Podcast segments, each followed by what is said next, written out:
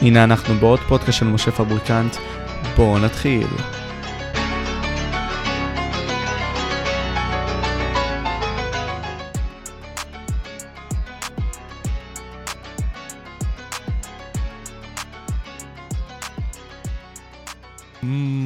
ומה קורה חברים? אנחנו עכשיו נמצאים בעוד פודקאסט, תכף אנחנו נבוא ונציג את האורח שלנו.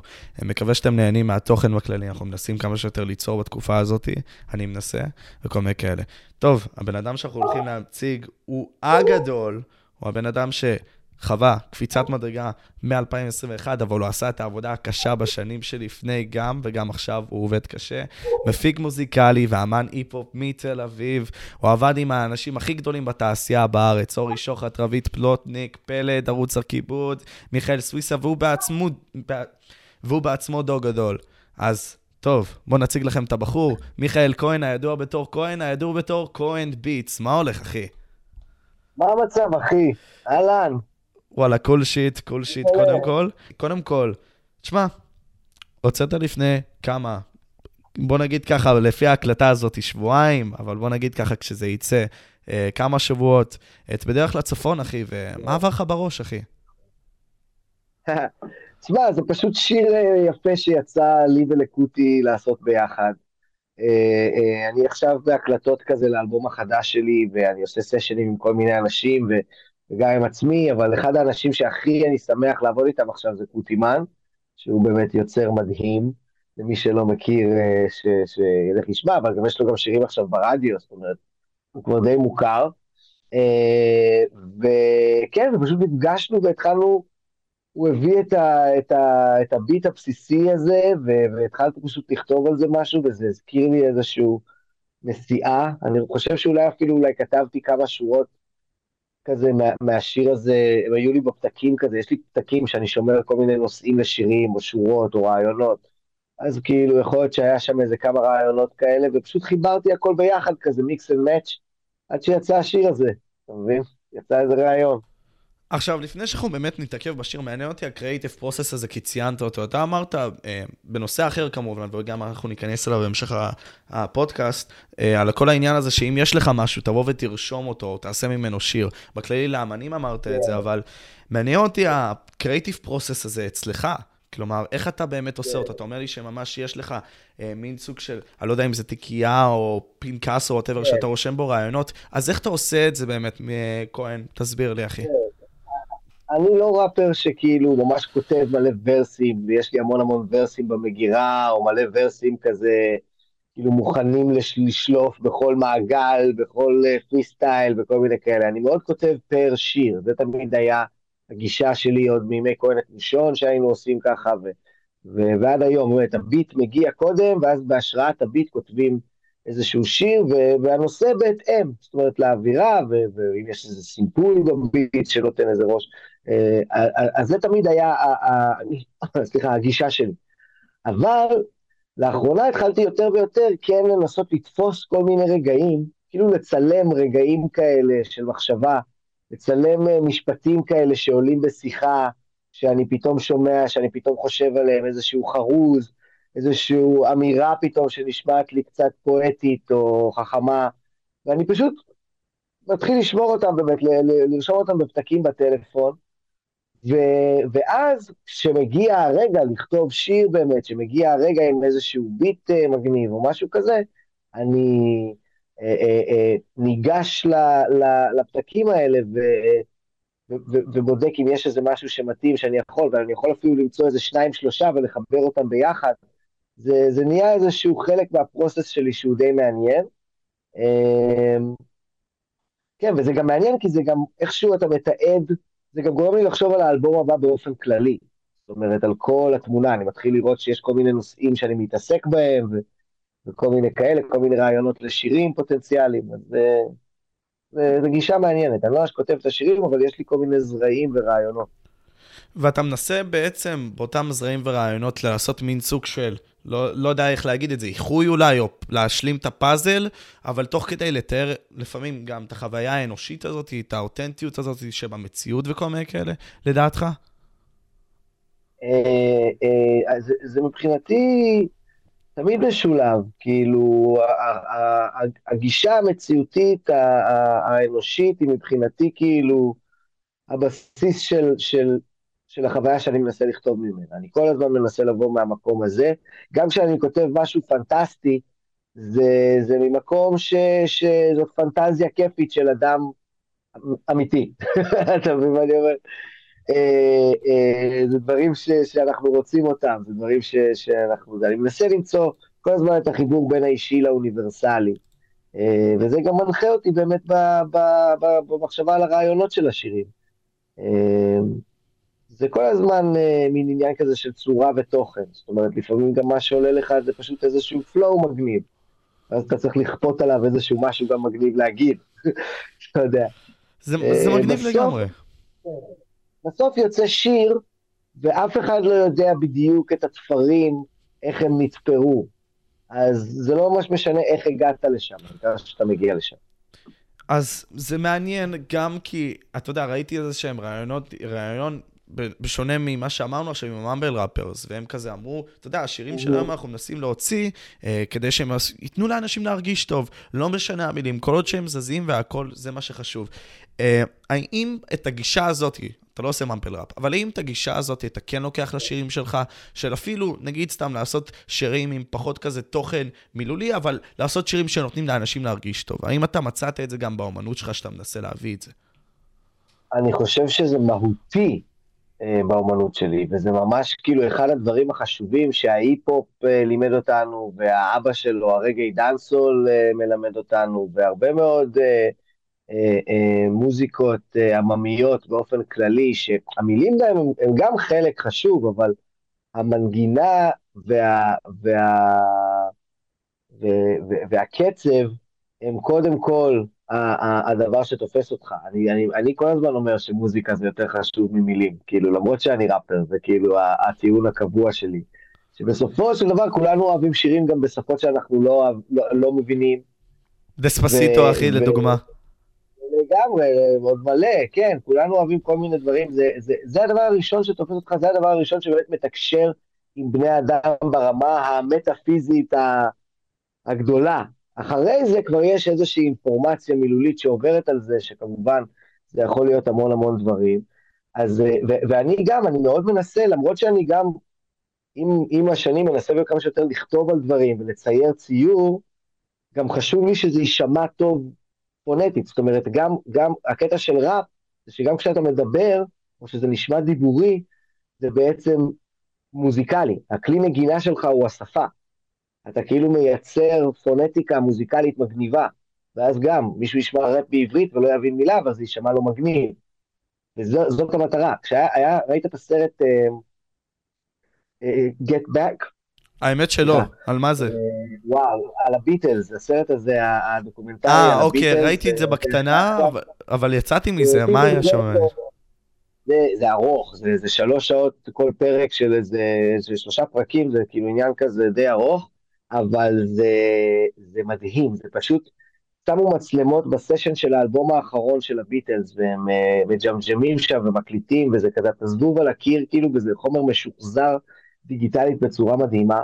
בכל אופן, הם אומרים שם כל הזמן על המילים, הם כותבים את השירים והמילים עדיין לא סגורות, והם כל הזמן חושבים על משפטים ואומרים, it doesn't sing good, it doesn't sing good. כאילו, המשפט הזה הוא, הוא, הוא אחלה, אבל הוא לא, מושת, הוא לא נשמע טוב ששרים אותו. וזה זה אולי הדבר הזה שאתה מדבר עליו, אתה מבין? זה צריך להישמע טוב ששרים את זה, לא משנה מה, מה אתה אומר. אז אתה אומר שיש פה שתי רבדים, זה למה נגיד סתם אנשים, בהרבה מאוד מהמקרים אהבו את קניה, כי קניה גרם לתחושות אצלך, וגם בסרטים אנחנו רואים את זה. אנחנו רוצים לחוות תחושות תוך כדי המילים. אה, והמילים הם בעצם איזשהו בונוס לדברים האלה. אז גם, נגיד, זה למה אני מאוד אוהב את נאז, או לפחות נאז של Illmatic, כן. כי הוא גרם לך להרגיש את זה. כלומר, הביט היה במקום, אבל אתה גם מרגיש את ניו יורק, אחי, תוך כדי שאתה fucking שומע את ה sample, וזה הזוי, שאתה... ו- ו- וגם המילים, הפואטיקה, הדברים העמוקים שהוא מנסה להגיד לך, זה הזוי, אה, וזה שתי רבדים שונים, אבל הם בהחלט חשובים. כל אחד מהם היה מאוד uh, מהפכן באמת בפלואו שלו, ובגישה ובמוזיקליות שבה הוא הדגיש את, ה- את, את הראפ. כאילו, נאז היה ממש עוד שלב אחרי רקים, מבחינת כמה ראפ יכול להיות מתוחכם. אה, אה, גם כאילו טכנית וגם אה, ליריקלית. וקניה בכלל ריפ ראפ כאילו לא ראפר, הוא נשמע בכלל מוזר, אנשים אמרו זה בכלל לא נשמע כאילו הוא ראפר, הוא מדגיש את המילים מוזר, והנושאים שלו היו קומוניקטיביים ובגובה העיניים ברמות אה, הרבה יותר רחבות מאשר הרבה ראפרים, כאילו כן, זה הולך ביחד. אז היופי שיש אנשים כמוך, יש אנשים כמו קניה וכל מיני כאלה שבאמת מצליחים לעשות את שני הדברים, גם את ה producing part וגם מצליחים לבוא ולשיר. אתה, נראה לי דיברת על זה באיזשהו ראיון שיש לזה חסרונות ויתרונות. אה, מעניין אותי אבל לשאול, האם לדעתך היתרונות מתעלים פה על החסרונות בקטע הזה? כי, אתה יודע, זה כמו כל סרט, סתם דוגמה, וזו גישה מעניינת שחוויתי לפני כמה ימים, מישהו דיבר איתי על זה, הוא במאי, והוא אמר לי, תשמע, אתה יודע, לפעמים יותר טוב אפילו שיהיה מישהו חיצוני שיסתכל על העבודה שלי, כי אז הוא יכול לסדר אותה בצורה הרבה יותר יפה. או להגיד לי, תשמע, זה פחות יפה, וכל מיני כאלה. למרות שאני המשורר, ואני יודע מה אני רציתי להביא. אז איך אתה מסתכל על זה?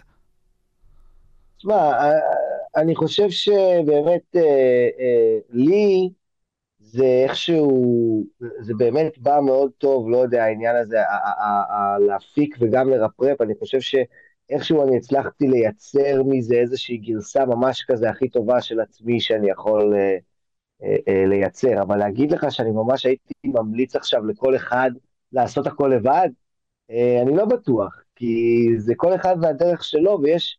הרבה מאוד יתרונות ל- ל- ל- לעבוד ביחד, לעבוד בקבוצה, לעבוד עם מפיק, אם אתה ראפר, לעבוד עם מפיק שמאזן אותך, שנותן לך עולם מוזיקלי, שחוקר איתך עולם מוזיקלי, זאת אומרת, אני גם מפיק את עצמי, אבל אני גם נגיד עובד עם פלד על כל האלבומים, אני ואורי שוחד, ואנחנו עושים איתו איזשהו דרך, זה גם עוד איזשהו מסלול של יצירה מאוד מאוד מפרה.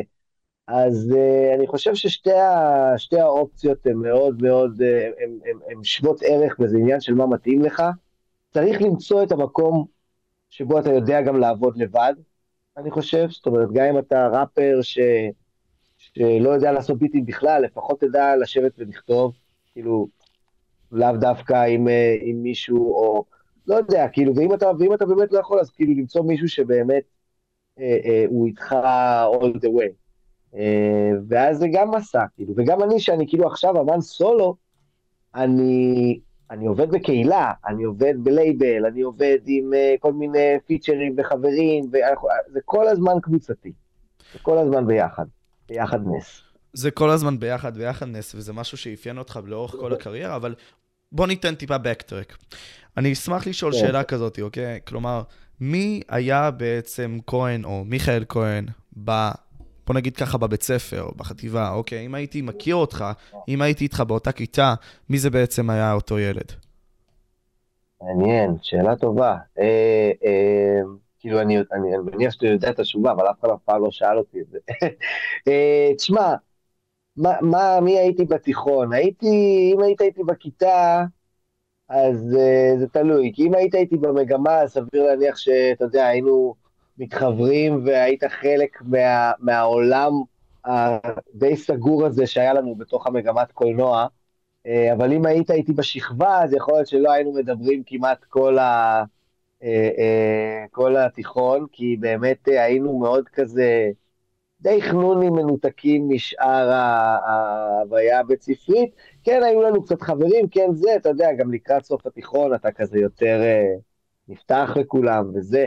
אבל, אה, וגם אני כתל אביבי, אה, אה, שנולדתי בתל אביב, אז יש גם כל מיני אנשים שהיו איתי מהיסודי עד התיכון, אבל, ועד היום אני, אני חבר שלהם.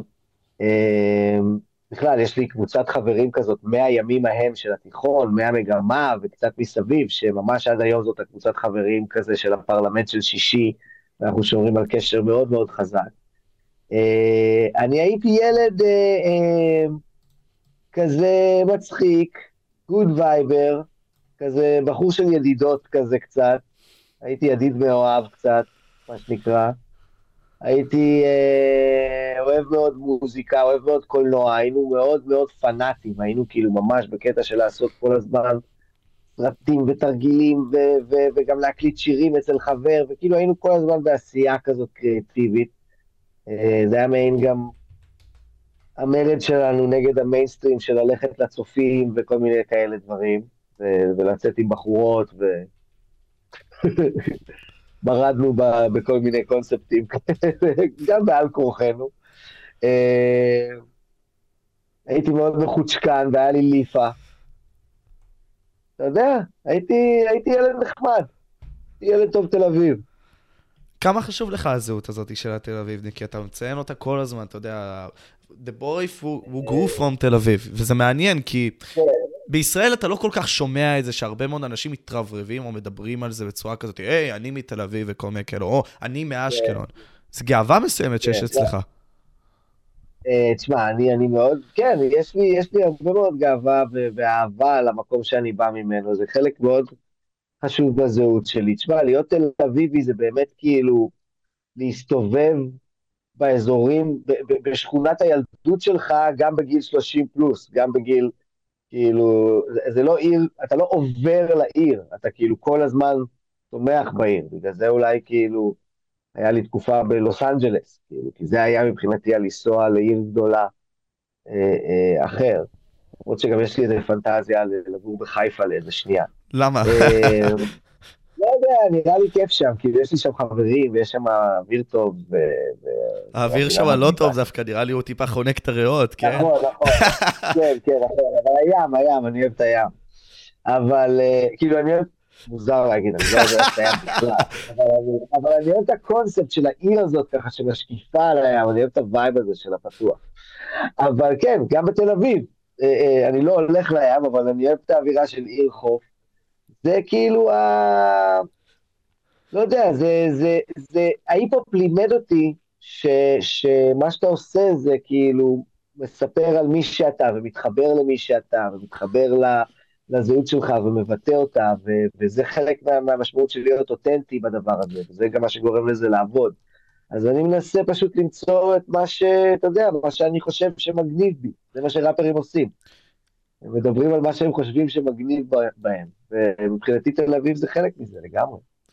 אז דיברת על הפן האותנטי הזה ודיברת על המסרים שאנשים מעבירים, ואני אחלק את זה לשני גוונים שונים. טופק, שאני מאוד מעריץ כפי שאתה רואה, וגם שומע הרבה מאוד שירים שלו, uh, הוא בא ואמר, ואתה יודע, זה בסך הכל הרבה מאוד אומנים אומרים את זה, אבל אתה צריך לדבר את האמת העמוקה שלך, מהלב שלך, בשביל שאנשים יתחברו אליך. כי האותנטיות הזאת היא באיזשהו מקום, ולדעתי גם האינטרנט ממחיש את זה.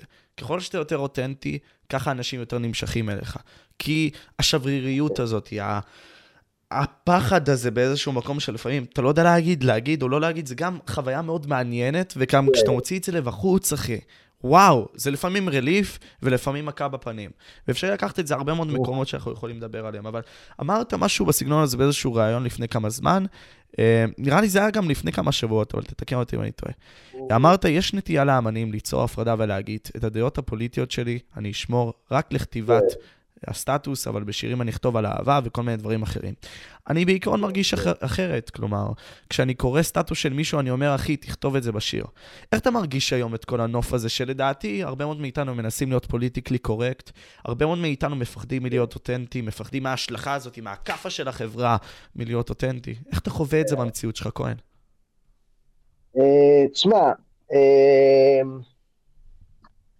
תראה, באמת בעניין הזה של ה... קודם כל בעניין הזה של, ה... של האותנטיות, אה, אני חושב שיש לזה כמה רבדים. כי יש באמת את, הר... את הרובד ה... היחסית פשוט של, של לכתוב יומני היקר, אתה יודע, לכתוב את המחשבות, את הרגשות, את, ה... את, ה... את ה... מה עבר עליך היום, הכי ריאליסטי שיש. אבל היפ-הופ אה, זה מוזיקה שהיא גם קצת קולנועית, יש לה כל מיני ז'אנרים. ויש לך גם הרבה אנשים שכותבים דווקא ממקום אה, של storytelling, וקצת פנטזיה, וקצת המצאה, וקצת הגזמה, וקצת אה, אה, אה, אה, חשיבה דמיונית, אה, או פשוט סיפורית, נרטיבית, אתה יודע, אנשים שרוצים לעשות ווטנג, וכל הזמן דיברו שהשירים שלהם זה כמו סרטים של סקורסזה, אתה יודע. אה, אה, אה, אז גם זה מבחינתי, זאת גם אותנטיות, אתה מבין?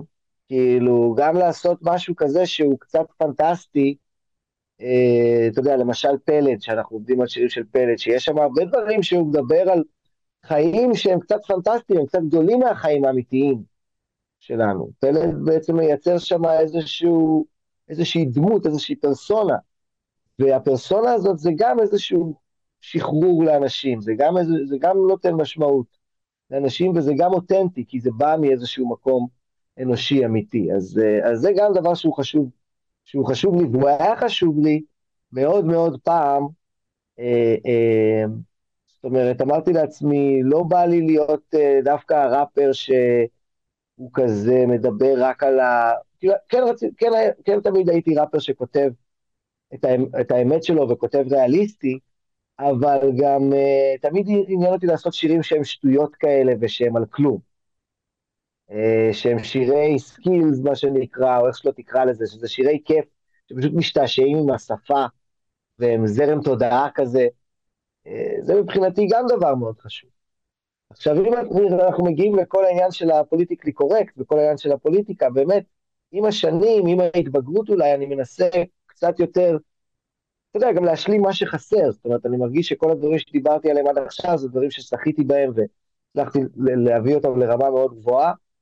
אה, ועכשיו אני מנסה לחקור יותר דווקא כן את האזורים של לדבר יותר ספציפי על רגשות ועל דברים שאני רוצה להעביר לעולם.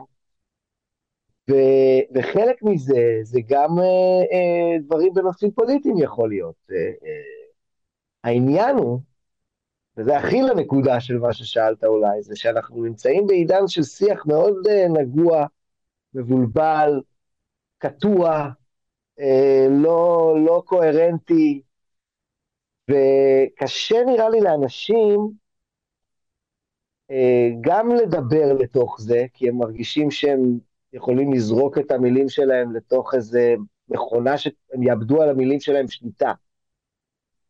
Uh,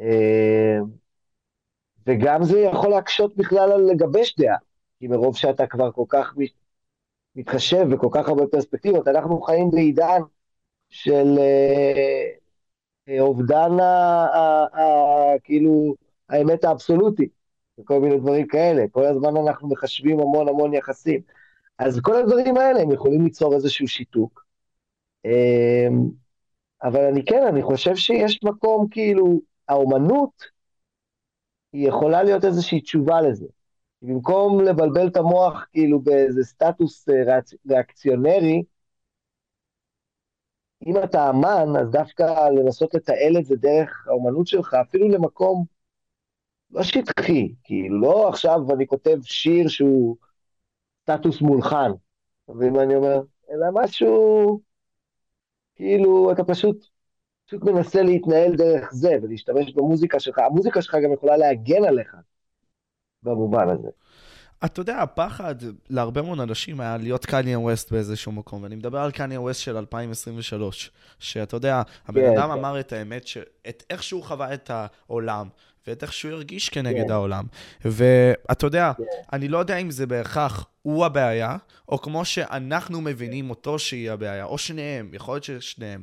אבל הרבה מאוד אנשים לא היו מעזים לעשות את זה. אשכרה קניה ווסט יכל להישאר במקום הנוח שלו, ואתה יודע, להישאר עם השתי מיליארד דולר שלו, לא לסכן את הקריירה שלו, לשתוק ולא לדבר, אבל הבן אדם עשה את זה.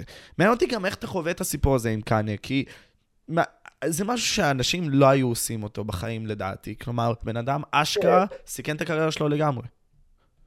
כן, אתמול גם ראיתי, אתה יודע, הומלס כאילו אה, משתין אה, באמצע הרחוב, אף אחד גם לא היה מעז לעשות את זה, כאילו, זה לא עניין רק של תעוזה, זה עניין גם של מה אתה עושה.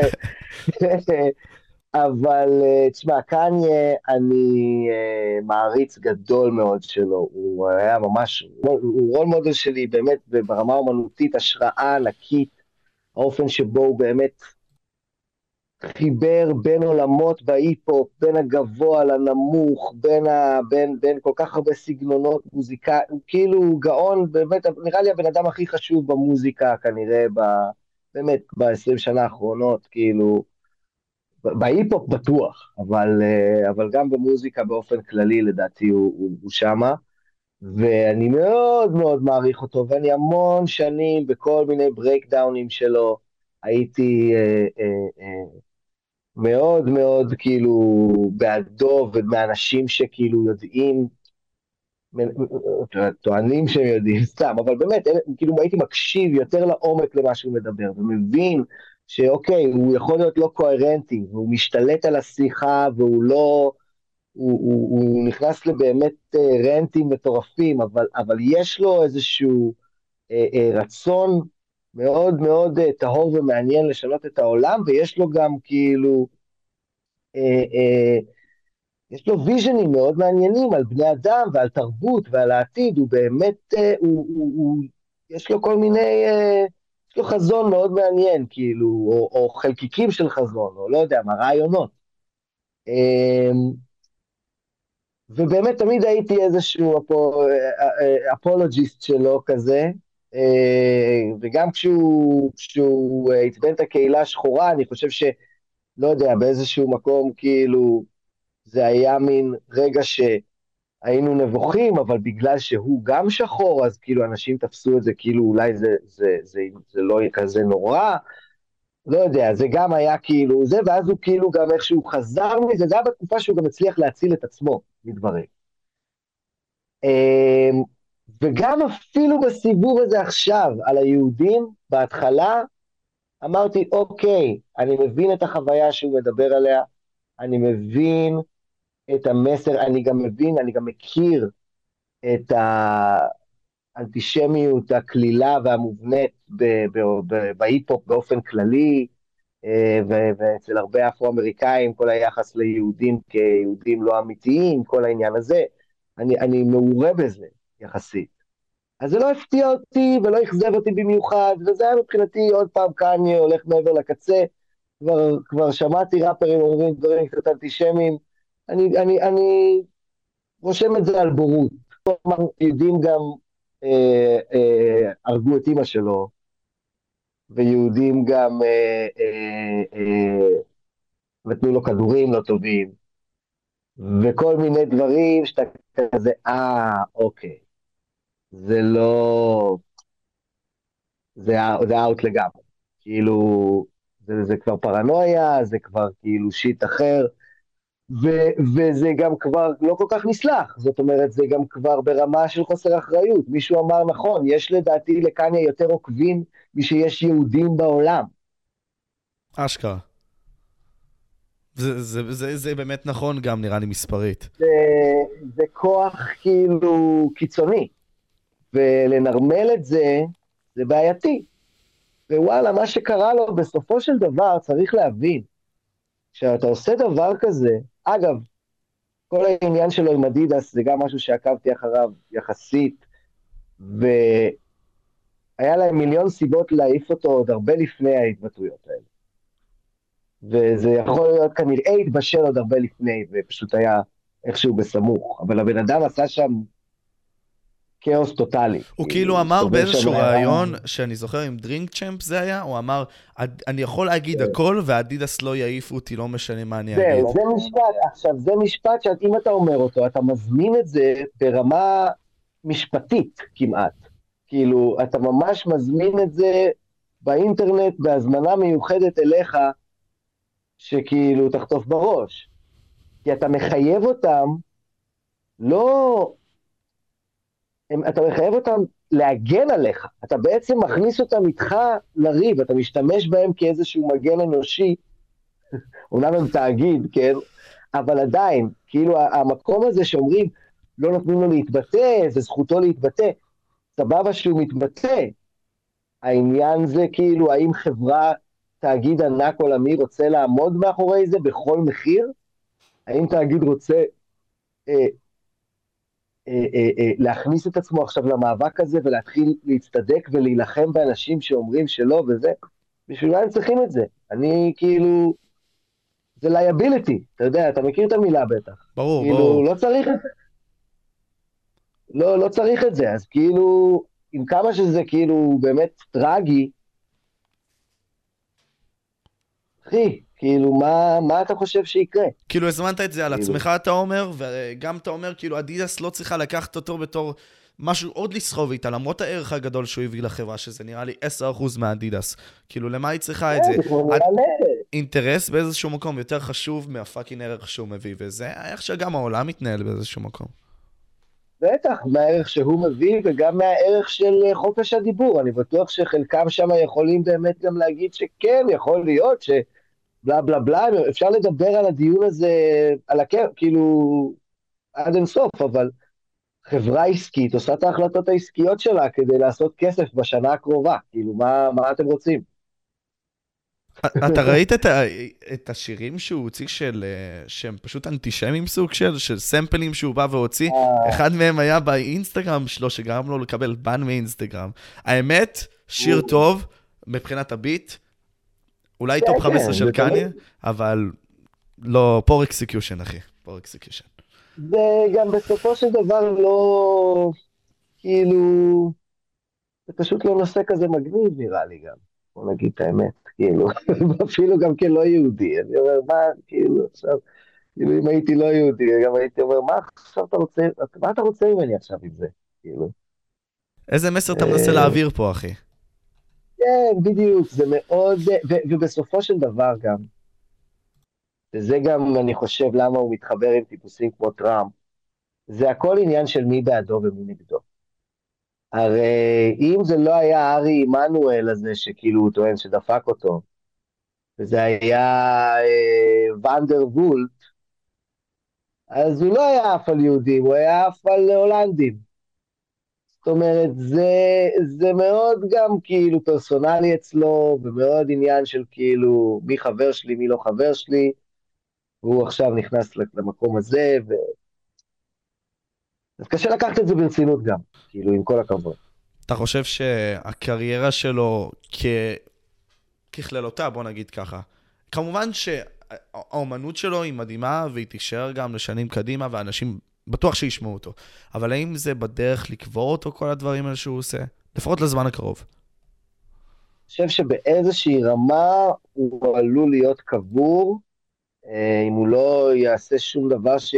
כאילו, קשה לי להאמין, שוב, היה הרבה זמן שהוא עשה כל מיני דברים, ואיכשהו הצליח להוציא את השיר שמוציא אותו מזה, כאילו להוציא, להציל את עצמו בעזרת סינגל. אני לא בטוח ששיר יכול להציל אותך מלהגיד כאילו שאני אוהב, שאתה אוהב את היטלר. אמ,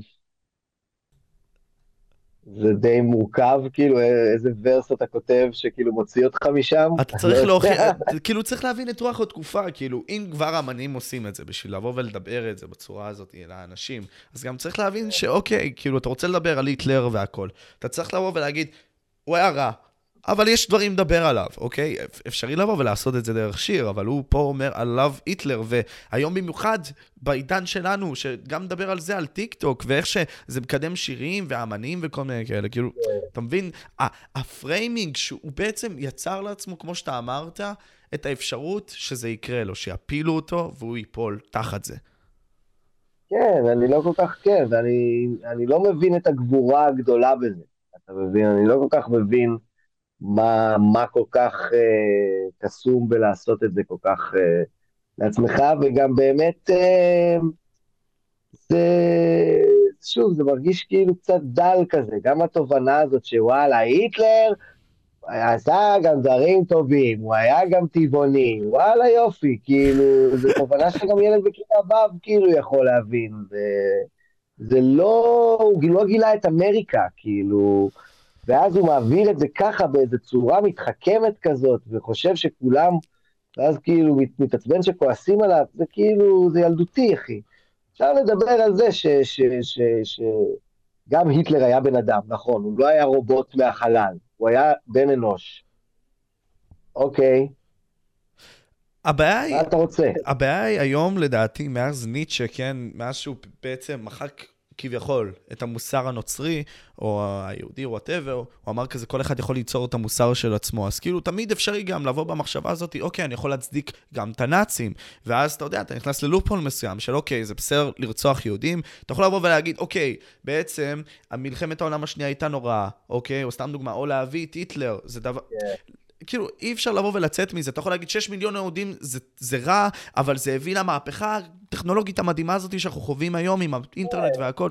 זהו נגמר. זה שאלות פילוסופיות, זה שאלות פילוסופיות על, על, על, על, אה, באמת, אה, אה, על ההיסטוריה ודברים כאלה. אבל אני חושב גם ששוב, אנחנו, יש טוב ורע.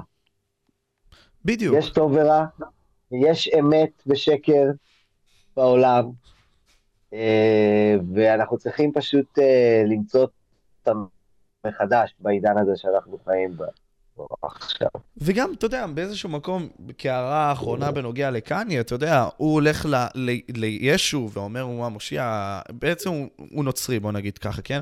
עכשיו הוא, אתה יודע, מהלל את זה גם בשירים שלו והכל. ואנשים שניסו להצדיק אותו, וגם כחלק טיפה גם אני, אמרו, אתה יודע, באיזשהו מקום הוא מדבר על אהבה, אהבה לכולם. אבל כשאני חושב על זה גם בשיחה איתך, אני אומר לעצמי, אוקיי, אהבה לכולם, אהבה להיטלר, אבל הוא לא באמת פה מראה אהבה ליהודים, אתה יודע, זה טיפה מעניין, כאילו, האנטגוניזם הזה. זה, אהבה של קאלט לידר, זה אהבה של תאהבו אותי, ואז תהיה אהבה. כאילו, אהבה היא בתנאי שאוהבים אותו. אה, זה, זה, זה ה-vibe, וזה גם, אני חושב שגם הוא, הוא... משהו עלה לו שם לראש בקטע שהוא מתחבר עם הראש הדיקטטורי, של אם רק ייתנו לי את הכוח, אם ייתנו לי את כל הכוח, אז, אז אני מבטיח שיהיה פה טוב, אני מבטיח. אני חושב שזה משהו שעובר בראש של כל דיקטטור, כאילו. אני מרגיש שזה עובר להרבה מאוד אנשים שבאיזשהו מקום חווים, אתה יודע, מרחק מהקרקע. נראה לי בדוקו שלו, שגם טיפה אני אדבר עליו אחרי זה, אתה יודע, אימא שלו אמרה לו, תמיד תבוא ותישאר, אומנם תעוף, אבל תישאר עם רגליים על הקרקע. לדעתי הוא לא, כן. אתה יודע, שומר על זה. הוא באיזשהו מקום מרחף יותר מדי. כן, הוא שכח את הקרקע, אחי. הוא במקום יותר מדי של יותר מדי קונספטים ופחות מדי אנשים. ברור. יותר מדי רעיון. אבסטרקטים. תשמע, מקווה שהוא יחזור, לא יודע איכשהו. הדוקו שלו היה יפה, ואתה יודע מה אהבתי בדוקו שלו? אהבתי את כל העניין הזה שאתה יודע, ה-grind והכל, ואתה רואה אותו בא ומנסה להכניס את עצמו ל-Roc-A-Fella Records והכל. ואתה יודע, מעניין אותי גם לשאול בנוגע למסע שלך, אחי, כי... תשמע, לא נראה לי, אתה יודע, הרבה מאוד אנשים כל הזמן עוברים בכל העניין הזה של ה-grind והכל, והחוויות החרא גם לפעמים שחווית. אבל איך אתה בעצם, אתה יודע, כמה סיפורים, או סיפור שאתה יכול לספר באמת על התקופה הזאת של הקאם-אפ, של הניסיון לבוא ולעלות, לתפוס עיניים וכל מיני כאלה, זה מעניין אותי לשמוע, כהן. מה, אנחנו, אנחנו התחלנו באמת בעידן אחר לגמרי. עידן שה... אני מדבר איתך, האלבום הראשון של כהן את מושון יצא ב-2008. אתה יודע, אווירה של, כאילו, החלום זה להיות קליפ השבוע בערוץ 24. זה כאילו... ההישג שאתה מקווה אליו, כאילו, יו- יוטיוב זה עוד, זה קונספט כאילו יחסית ראשוני, אה, אה, אה, אתה יודע, עדיין יש פליקס, כאילו, אתה עדיין כאילו, אתה יודע, פליק זה הכל ישראלי כאילו למי שלא מכיר, זה כאילו הייתה כן, פלטפורמת הסרטונים של ישראל, סוג של. כן, זה מצחיק, זה כאילו כשהתחיל גוגל ויוטיוב, אז כאילו היו אתרים ישראלים שהיו כזה, אה, אני יכול לעשות את הגרסה הישראלית של זה, וזה תחרות, כאילו, ואני יכול פשוט להתחרות בזה, וכאילו, הכל נפל, פשוט כולם, מן הסתם עכשיו ביוטיוב. אבל אה, כן, זה היה עידן אחר. אה, אה, וזה גם משהו, אנחנו קוראים לעצמנו קצת דור המדבר של ההיפ-הופ, זאת אומרת, כי אנחנו, אחרי הפיק שהיה עם סבלימינל, ושב"כ סמך והדג, אחרי פיק שהיה קצת, ואז היה איזושהי ירידה, פתאום כאילו לא היו אמנים שהצליחו להמשיך את המומנטום הזה שסבלים מן הלוי, לא יותר מדי, אה, ואנחנו כאילו היינו הדור שקצת הוריד את הראש, לא ציפה ליותר מדי, ופשוט רצה לעשות את זה בשביל לעשות את זה, בשביל כאילו להניח את האבן הזאת, בשביל להגיד, יש לי אלבום, הנה האלבום שלי, הנה השירים שלי, כאילו, מעל הכל. ואני חושב שזה, ולייצר אלבום, לייצר כאילו יצירה כזו אמירה, וגם עם איזשהו סאונד, זאת אומרת, אנחנו באמת התחלנו להיכנס ל, ל, ל, לעשייה הזאת מאוד. אה, זה לא היה אנשים שחיפשו לעשות לעיתי רדיו כל הזמן וכאלה, או, או להתפוצץ במכה. היו כל מיני כאלה שניסו ולא שרדו. זה היה פשוט עניין של לעשות בשביל עצמנו, לעשות בשביל החברים שלנו, ולעשות לאט לאט גם בשביל הקהילה של ההיפ-הופ שהלכה וגדלה. זאת אומרת, אני בתיכון לא הייתי ילד היפ-הופ. אה, אני הייתי בכלל, אהבתי כזה רדיואד וכל מיני כאלה, ומוזיקה אלקטרונית, ואז נכנסתי לביטים, ואז נכנסתי להיפ-הופ. בגיל 16 כזה, אם אני לא טועה, נכון? כן, כן, ונדפקתי על זה לגמרי. אה, אבל אה, מושון היה יותר כאילו, כזה לובש את הבגדים, והולך לסנטר, לחנות, למדמן וזה.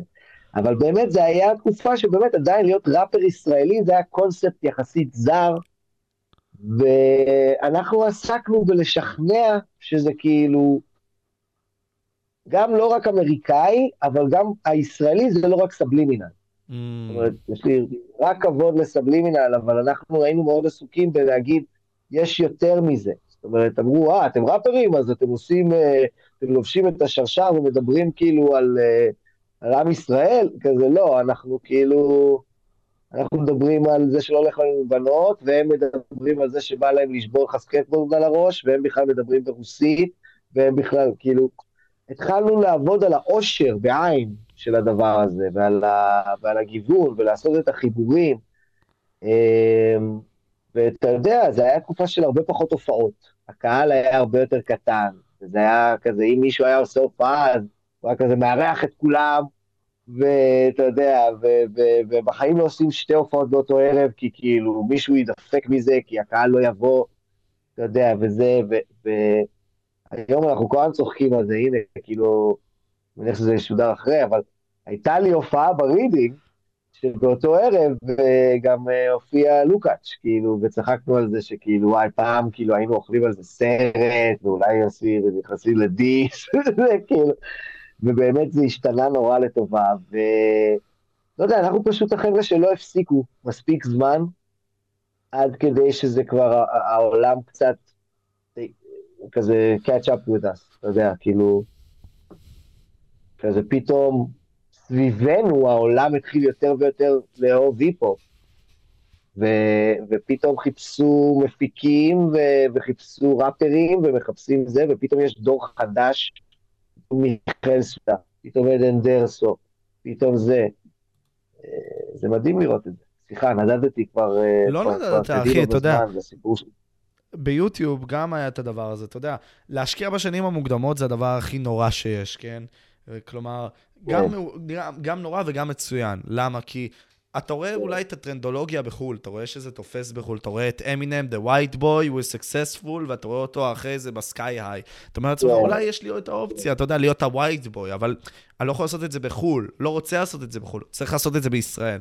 ואז אתה יודע, צריך כן. לבוא להילחם על הקולות האלה, ואני מבין מאיזה מקום אתה מגיע, כי גם אנחנו בתור יוצרי תוכן ביוטיוב, חווינו את זה, אתה יודע, כן, כן. לשכנע. אתה יודע, אני זוכר כשהייתי צעיר, יותר ממה שאני עכשיו, אתה יודע, להיות היוטיובר, להיות היוטיובר, אחי, זה היה fucking להיות ה-geek המוזר הזה שיושב במחשב ולא עושה כלום, והיום, אתה יודע, יצא מחקר נראה לי לפני שנה בארצות הברית, 75% מהצעירים רוצים להיות היוצרי תוכן האלה, אתה מבין? אז איך אני מקשר את זה בעצם? כלומר, אתם באיזשהו מקום, אתה, מושון, הרבה מאוד מהאנשים שגם היו באותה תקופה של 2008, אתה יודע, חדר הכושר והכל, כאילו, זו תקופה מדהימה. אבל הכוונה היא, אתה יודע, זה קשה, קשה לעשות את זה, אבל איפה אתה חווית, ונגיד סתם, תוך כדי הטיפוס שלך להגיע למעלה וכל מיני כאלה, אמ, כן. איך חווית את ההרגשה הזאת גם? הניסיון הזה להיאבק על הכל, הניסיון הזה להשמיע כן. את מה שבלב שלך, אחי, והרצון להשמיע את זה לעוד הרבה מאוד אנשים. כן, תשמע, זה, זה, זה באמת היה לא קל, כי זה, זה המון המון גלים. זה המון המון גלים, אבל אתה באיזשהו שלב פשוט מקבל את זה בתור דרך החיים שלך. זה כבר פשוט החיים, זה כאילו אין לך ברירה אלא לעשות את זה. זאת אומרת, אוקיי, אני הולך להקליט שירים, כי זה מה שאני עושה. ואז אני חייב לשים את השירים האלה באלבום, כדי להוציא אותם, כי זה מה שאני, זה מה שאני עושה. ואז כמה קשה יותר תקופה, יותר ופחות, יש תקופה שזה לוקח המון זמן, ואתה יודע, הכל כזה זה בלי תקציב, ו, ואתה עובד עם אנשים כאילו כזה בזמנים פנויים בין עבודות, ו, והופעות משלמות ממש מעט, והופעות, אתה יודע, זה היה עוד תקופת הרייבים, רייבים בחניונים, רייבים במוסכים, שיט שלא רואים היום בתל אביב, כאילו, השתפשפנו מאוד, אני חושב שהיום גם זה נתן לי המון המון כאילו בסיס להישען עליו כשאני מופיע, אני כאילו, מחליק את זה מאוד מאוד בקלות, כי כאילו באמת ראיתי כבר הכל והופעתי מול הכל, בהמון המון סיטואציות של אי הבנה. זאת אומרת, פעם נגיד, הביאו אותנו לחמם את סקאזי בפורום בבאר שבע. אתה אומר, וואו, מישהו פה לא הבין את החומר, כאילו מישהו פה לא... מישהו פה לא הבין את, ה, את, את, את המוזיקה שאנחנו עושים, וכאילו מישהו פשוט אמר, "אה, דברים לנוער. זרק את זה ביחד, איכשהו, אני לא יודע, ואנחנו חווינו המון המון את, ה, את העניין הזה שהממסד התקשורתי, והממסד המוזיקלי, והממסד אה, של ההופעות, וכל מיני כאלה, לא ממש מבינים מה לעשות עם התופעה הזאת של ראפרים. אה, ובאמת, בטח ראפרים שכאילו נראים כמוני, כזה משקפופרים, ו- וכאילו, הכל כזה, כזה באמת היה, היה חדש. לדעתך היה קשה למכור אתכם באיזשהו מקום? היה, אה, אה, זה מעניין, כי באיזשהו מקום היה קל גם למכור אותנו, כאילו, כאילו למכור, היה קל למכור אותנו כמשהו שאנחנו לא בדיוק. היה קל למכור אות- אותנו, את כל הקושון, זאת אומרת, כמשהו שאנחנו כזה מין שני מצחיקונים כאלה, שהם ראפרים חנונים, וואו וואו וואו, וכאילו, אנחנו ראינו את עצמנו כמוזיקאים כאילו רציניים, שבאמת עושים מוזיקה, ונכון, אנחנו משתמשים בהומור, ונכון, יש לנו את הפרסונות שלנו, אבל אנחנו לא מערכון על ראפרים, אתה מבין? המון מנסים כאילו למצוא, לתרגם את זה כדחקה. אה, עד היום, כאילו, זה גם מאוד התחבר עם, עם תרבות הדחקה הישראלית. אה, אבל אנחנו לקחנו את זה מאוד ברצינות, אז כאילו, ניסו, אתה יודע, לעבוד איתנו על סדרה, ושנהיה מנחים, ושנהיה זה, וכל מיני דרכים להגיע למיינסטרים בצורה כאילו לעקוף את המוזיקה. שכאילו במוזיקה זה קשה, אתה צריך לעשות משהו אחר כדי להיות מפורסם, ואז המוזיקה שלך תסתדר. ולא, לא האמנו בזה באמת, האמנו שהמוזיקה זה מה שחשוב, צריך לעשות מוזיקה טובה, שהיא, זה, זה גם, זה גם הברנד שלך, אני מאמין שזה גם דברים שעסקית הם כאילו הדבר הנכון לעשות. זאת אומרת, אה, אה, אה, אתה רוצה להיות הבן אדם הזה שמייצר את, ה, זאת אומרת, התוכן הזה. ו, ו, ולא הבן אדם שעושה את הדברים שאחרים עושים, ואז יכולים לבוא לך מחליפים נורא בקלות. כן. כלומר, המוצר שלך אמור להיות בלתי ניתן להחלפה באיזשהו מקום בשביל להגיע לכמה שיותר. אנשים ולהישמר, אתה יודע, איכשהו, בצורה היפה שלו. ובשביל זה, לגמרי, בשביל זה אתה צריך להקשיב לאינסטינקטים שלך ולתרגם את החוויה שלך, ולא לחשוב על מה מישהו אחר כאילו רוצה לשמוע יותר מדי.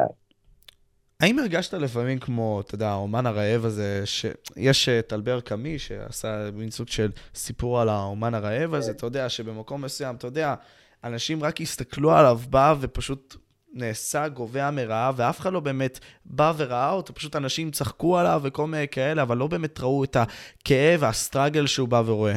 עד איזה שלב באמת הפסקת, או האם לדעתך עדיין אתה ממשיך להרגיש כמו האומן הרעב הזה, שאתה יודע, עדיין לא מקבל את ה-attention שהוא צריך לקבל, את ה... אתה יודע, הוקרה שהוא צריך לקבל, למרות שאתה יודע, באיזשהו מקום אתה היסטורי, באיזשהו מקום בז'אנר הזה, אבל אני מדבר בכללי, מיינסטרימי כזה. כן, כל הזמן יש את הרעב, ויש באמת, ויש את התיאבון הזה שגדל, אתה רוצה כאילו, אתה אומר, אוקיי, אם הגעתי עד לפה, אולי אני יכול גם להגיע עד לשם, בוא נראה, ו- ו- ו- וזה מאוד, אה, אני, אני שומר על זה, מדרבן אותי, ויש גם, כמובן, חשוב לציין, גם את הפחד לאבד, שזה גם דבר שמדרבן ונותן רעב, אתה אומר, וואו, הגעתי עד לפה, fuck, אסור לי ליפול, אסור לי עכשיו לפספס, זה הזמן, כאילו, ל- לעבוד נכון. אז כל הדברים האלה שומרים אותי, ככה על קצות האצבעות, ו, ושוב, כולנו יודעים על האפקט השלילי והחיובי של דברים כאלה, אה, אבל אני, אני, אני חי את זה, ואני עדיין מרגיש גם שהרעב מתבטא בסקרנות, בסקרנות לנסות עוד דברים ולחקור עוד דברים. אה, פעם הרעב היה באמת שכאילו, שסוף סוף, שכאילו, לא יודע, אף פעם לא הייתי בן אדם, האמת, אף פעם לא הייתי מהראפרים האלה, אתה יודע, נגיד רביד, הרבה מהשירים שלו, בתחילת הדרך היו על איך שאנחנו נביא את ההיפ-הופ, ואנחנו ניקח אותו, ואנחנו נצליח, ואנחנו זה, וכאילו, אני לא הייתי כזה ראפר שנורא חשוב לו המצב של ההיפ-הופ. אה, אבל כן הרגשתי לגמרי את המקום הזה של כאילו לא מבינים אותנו, אנחנו מייצגים משהו שלא מבינים עדיין, ואנחנו מאמינים בזה, אנחנו מאמינים שזה כן יכול להפוך להיות חלק מהחוויה הישראלית, אנחנו חווים את זה כחוויה ישראלית, ו... ואנחנו אוהבים את העברית כאילו, לעשות את זה בעברית, אז כן, אז, אז, אז, אז, אז זה עדיין, כאילו, עדיין הילד הזה הוא נמצא בתוכי, אפילו היום, כאילו. ותשמע, הילד הזה באיזשהו מקום, אתה יודע, אתה מדבר על הרעב, אתה מדבר על סכנות, אתה מדבר על הישרדות. אתה יודע, זה, זה מפחיד לקחת את הצד הזה של עצמאות בנוסף לאומנות. כי אתה לא יודע עד כמה הקהל יאהב את מה שאתה עושה. בנוסף, אתה חושב, אתה רואה את כל הטרנדים, את כל הדברים שהולכים בחוץ, ואתה אומר, fuck, כאילו, עד כמה אני, אתה יודע, השאלה הזאת של האומן, עד כמה אני אמור לקחת מהאומנות שלי וללכת אל מה שאנשים מדברים, וכל מיני כאלה, זה שאלות שתמיד עולות. אתה לא פחדת מתישהו, תספר לי על זה אולי, על כל הפעמים האלה שאולי היה לך פחות כסף, ואיך זה התבטא גם בחיים שלך? האם זה באמת היווה איזשהו קושי גם? אני תמיד דאגתי, אתה יודע, לממן את החלום, מה שנקרא. זאת אומרת, אה, בשנים הראשונות תמיד היה לי דיי ג'וב, תמיד היה לי דרך פרנסה שהיא לא מהמוזיקה בכלל. להפך, בהתחלה ממש ראיתי את המוזיקה כמשהו שהם לא מתפרנסים ממנו בעיקרון, ואני צריך למצוא עבודה מכיוון אחר, ו- ולשמור את המוזיקה ככה טהורה גם, כאילו, ואז אני עושה רק מה שאני רוצה. אבל באיזשהו שלב הרגשתי שזה הופך אותי הייתי כאילו, עבדתי במאקו, הייתי שם עושה תוכן וכל מיני כאלה, ו... והרגשתי שאני נהיה מין כזה איש תוכן סלאש מוזיקאי, והסלאש הזה עצבן אותי. עצבן אותי שאני נתפס כמשהו מעבר או חוץ ממוזיקאי, ואז הבנתי שאני חייב קצת לפתוח את האופקים שלי מבחינת העבודה באולפן, ולקחת גיגים של מפיק, ורק כדי להיות באולפן וכדי באמת להיות מוזיקאי full time. העניין הזה של לעשות עשר שעות ביום את הדבר שאתה רוצה לעשות. גם אם זה אומר לעשות אה, אה, מוזיקה להופ קטנטנים לכבוד אה, חגי ישראל. וקרו כאלה phases בסיפור שלך? בטח, בטח, בטח, אני עושה, עשיתי מלא דברים. עד, עד היום אני גם עושה קריינות לניקלודיאון. אשכרה. אה, ועדיין גם, עושה, ועדיין גם עושה פרסומות ודברים מסחריים כשזה מגיע, כאילו, ברור. המוניטין שלי בהיפ-הופ, עכשיו אני גם סוף סוף התחלתי גם קצת להתפרנס יותר מהופעות ומתמלוגים אחרי הרבה שנים, אבל, אבל uh, הרבה שנים מה שהיה זה שהמוניטין שלי כיוצר היפ-הופ הביא לי גיגים מחוץ למוזיקה. הביא לי גיגים של להפיק איזה מוזיקת היפ-הופ לפרסומת, כי הם רוצים לעשות עכשיו היפ-הופ, כי זה טרנדי, כי זה זה. או ללמד אה, הפקת אבלטון היפ-הופ בכל מיני, בכל מיני מסגרות. או להיות מבקר, אה, לכתוב ביקורת מוזיקה על האלבום החדש של קניה ווסט. כאילו, כל הדברים האלה פרנסו אותי להיות די-ג'יי, כמובן, גם. זה היה הרבה זמן אה, מקור פרנסה. אז כל הדברים האלה מסביב למה שאני עושה כאומנות שלי, כל הזמן אמרתי, אני לא עושה כסף מהמוזיקה, אבל אני עושה כסף מלהיות מוזיקאי. זה העניין. זה, זה המפתח. ולאט לאט, אם אתה עושה את זה נכון, ואתה מאזן את הזמן שלך נכון, ואתה לא, משקיע גם מספיק זמן בעצמך, מעבר לזמן שאתה נותן לאחרים בשביל להתפרנס, אז אתה גם מטפח לעצמך את המותג שלך ואת העניין שלך, ובאיזשהו שלב אם יש לך מזל, הוא, הוא גדל כבר מעבר לגיגים האחרים. ואני, צפצוף בזמן האחרון, יכול יותר לבחור את הגיגים שלי ככה, לפי מה שבא לי, ו, ויותר לעבוד, לקחת זמן לעבוד על האלבום שלי, וזו תקופה טובה, צפצוף. יש אה, איזושהי קורלציה, מחילה שאני עוד פעם מציין, כן, את קניה ווסט, מחילה בקורלציה הזאת, כן? אבל אתה יודע, באיזשהו מקום, גם הביטים האלה בשביל לשפר את עצמך, וזה גם הופך אותך ליותר טוב, גם ככה אתה צריך כסף, אז זה כאילו עוזר לך באיזשהו מקום למקסם את עצמך. אז זה מגניב שאתה בא ומשלב את זה. ככה. כן, כן, כן, צריך כל הזמן להיות ריאליסטי, להתפרנס, ולנצל את הכישורים שלך בשביל זה, וגם עם הכישורים שלך, אני יש לי, אני גם יכול לכתוב כתבות ממש טוב. אז כאילו, וואלה, אני לא רוצה לעשות את זה בחיים, אבל אני יכול לעשות את זה אם אני אצטרך כסף, כאילו, צריך, אה, צריך למצוא מה, מה, מה אתה יכול לתת לעולם כדי להתפרנס, וככל שזה יותר בקורלציה עם הדבר שאתה רוצה לתת לעולם, אז, אז, אז מה טוב, כאילו. לגמרי, מה שאתה אוהב והערך שאתה נותן לאנשים ביחד זה מתכון קטלני. עכשיו גם השאלה הזאת, שאתה יודע, ציינת גם עבודה וגם כתב במאקו והכל. אה, מעניין אותי גם המחשבה הזאת של, אתה יודע, עבודה וכל מיני כאלה, אני זוכר בזיכרון הראשון שלי, כש, בעבודה שעבדתי, בגיל זה נראה לי 17-16, אמרתי לעצמי, טוב, אני לא רוצה לעבוד ככה יותר. כלומר, יש לי מתנות מסוימות בחיים, אני צריך למקסם את עצמי, עכשיו אני עובד במקום הרבה יותר טוב, שנותן לי הכנסה יותר טובה, אבל באותם ימים, אתה יודע, עבדתי בתור איזה מחסנאי מסכן בין uh, הבגרויות והכל, ואמרתי לעצמי, טוב, אני חייב לצאת מזה. עלו לך המחשבות האלה באמצע העבודה ובאמצע המחשבה של, אוקיי, כאילו, זה נחמד, זה, זה בסדר, כאילו, אני אוהב, איזה סבבה לעשות את זה, אבל אני חייב להגשים את עצמי. זה היה העניין, כשעבדתי נגיד בטיימאוט, אני זוכר, עבדתי בטיימאוט מגזין, שזה מגזין כזה, אה, במקומון תל אביבי כזה, הייתי שם כותב, אה, עורך כמה מדורי תרבות כאלה, וזה. הכישרון כתיבה שלי הצליח ככה אה, לעשות לי ככה איזושהי דרך, ויום אחד מישהו אמר לי, תשמע, תמשיך ככה, אתה תהיה העורך של העיתון. וזה הבהיל אותי. אמרתי לעצמי, מה זאת אומרת? אני לא רוצה להיות על הרכבת הזאת. כאילו, אני, אני, אני, אני מרגיש שאני עושה משהו שאני טוב בו ושאני נהנה ממנו, שיש לו איזשהו ערך, אבל אני לא יכול, אה, אה, אה, אני חייב לשים לב לאן אני הולך, שאני לא אתפוס את עצמי עוד כמה שנים, פתאום אה, אה, מרגיש מפוספס, כי נשארתי בקומפורט זון הזה. אז אני זוכר שזו הייתה באמת תקופה שעזבתי ונסעתי ללוס אנג'לס. אה, אה, ואמרתי, כאילו, לא בקטע של to make it in LA בענק, אבל פשוט לקחת לעצמי את הזמן כדי לחיות את החיים האלה של המוזיקאי, ובאמת להרגיש איך זה, ו- ולהגדיר את עצמי ככזה. היופי, אתה יודע, אני גם, איזושהי קורלציה שבול חששבתי כשאמרת את זה, השנה וחצי בלוס אנג'לס, דייב שאפל ב... בוא נגיד ככה, ב peak שלו, של התקופה של תחילת שנות האלפיים, סירב לאיזשהו חוזה של 50 מיליון דולר אה, באותה תקופה. כן. והוא אמר, תשמע, אני חייב פשוט לבוא ולצאת מכל ה limelight הזה, אני חייב למצוא את עצמי. הוא נסע לאפריקה ונתן שם הרבה מאוד שואוז בחינם אפילו לאנשים, סתם בשביל להתנסות בעולמו, באומנות שלו. אה, ומבחינתך, לדעתי, זה היה איזושהי השתלמות כלשהי, גם להבין את עצמך וכל מיני כאלה בין כה וכה. איך אתה סוגר באמת את התקופה היפה הזאת שהייתה לך בלוס אנג'לס, עם כל האנשים המגניבים שגם פגשת? האם זה הניסיון באיזשהו מקום להבין איפה אתה עומד כנגד העולם, או איפה הייתה המטרה בלנסוע לשם? זה גם מעניין. האמת היא, זה יפה איך שאתה מגדיר את זה. יכול להיות שזה גם היה איכשהו התוצאה הסופית, העובדה שכזה באמת הבנתי איפה אני עומד ביחס לכל המוזיקה הזאת. כאילו, הנה, עכשיו אני כאן עומד מולך בן אדם שהרבה יותר מצא את המקום שלו בעולם אה, מאשר שהייתי בתקופה ההיא. אה, אני רציתי להיות, להיות קרוב לוויברציה.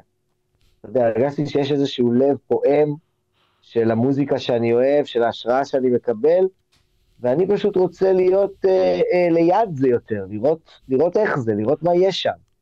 אה, היה לי כמה חברים שקשורים, כמה לידים כאלה קטנים, שהיו קשורים לסצנה מאוד ספציפית גם, זה לא היה בקטע של אה, לחתום באיזה major label, או, או להיות איזה אה, אה, אה, big בתעשייה, זה, זה היה באמת בקטע של להתחבר עם איזושהי סצנה מאוד ספציפית של אינדי, היפ-הופ, פוגש אלקטרוני, פוגש ג'אז, באמת יצא לי לפגוש שם כל מיני אנשים מדהימים, כמו אה, אלכמיסט, כמו אה, אנדרסון פאק, אה, כל מיני אנשים כאלה שכזה על הדרך. אה, אה, אה, התחככתי בהם קצת, וזה, ו, ומה שלמדתי שם בעיקר היה שכולנו אותו דבר. אה, ושבאמת, אה, נכון, יש להם שם יותר אופק אולי, יש להם את העולם בתור הקהל שלהם. זה משהו אחר מאצלנו. אבל כולם בני אדם, כולם עם מסריטות, כולם מנסים להתפרנס, כולם אה, מחלטרים, כולם נכשלים, ו- וגם זה שהרגשתי איך שקיבלו אותי שם טוב, אז זה נתן לי ביטחון, אמרתי, בוא'נה, אנחנו פה בארץ, אנחנו עושים good shit, כאילו, עושים good shit, אנחנו מופיעים. הרבה מהראפרים שאני כאילו עבדתי איתם בארץ היו כאילו הרבה יותר כזה מצליחים ומוכשרים ומגשימים את עצמם מהרבה מהחבר'ה שפגשתי ב-LA, שכאילו היו כאילו יותר מגניב לעבוד איתם, כביכול. והיה להם יותר קהל וכביכול יותר פופולריות, אבל אתה אומר pound for pound, אצלנו האנשים כן. טובים לגמרי.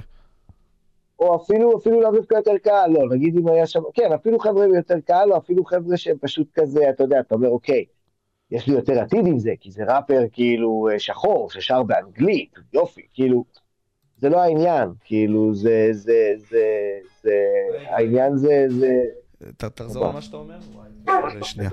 אני אומר ש, ש, שזה לא שאתה מסתכל, כאילו, אני אומר שאתה יכול לפגוש שם כל מיני אנשים, אומר, אוקיי, זה רק אמריקאי, מגניב, הוא מקומי.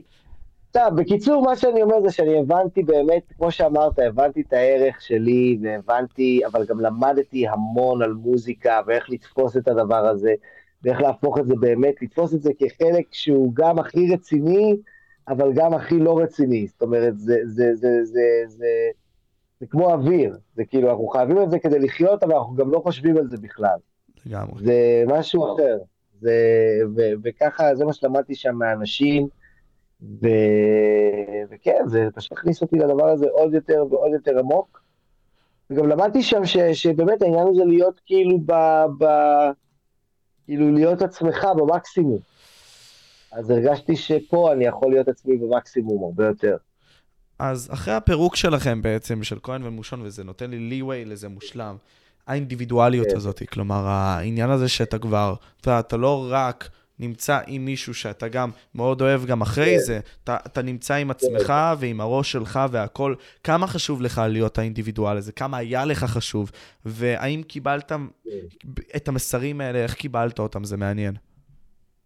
החשיבות של הדבר הזה מבחינתי הייתה תמונה בחשיבות של להיות סולו, היא הייתה תמונה ב...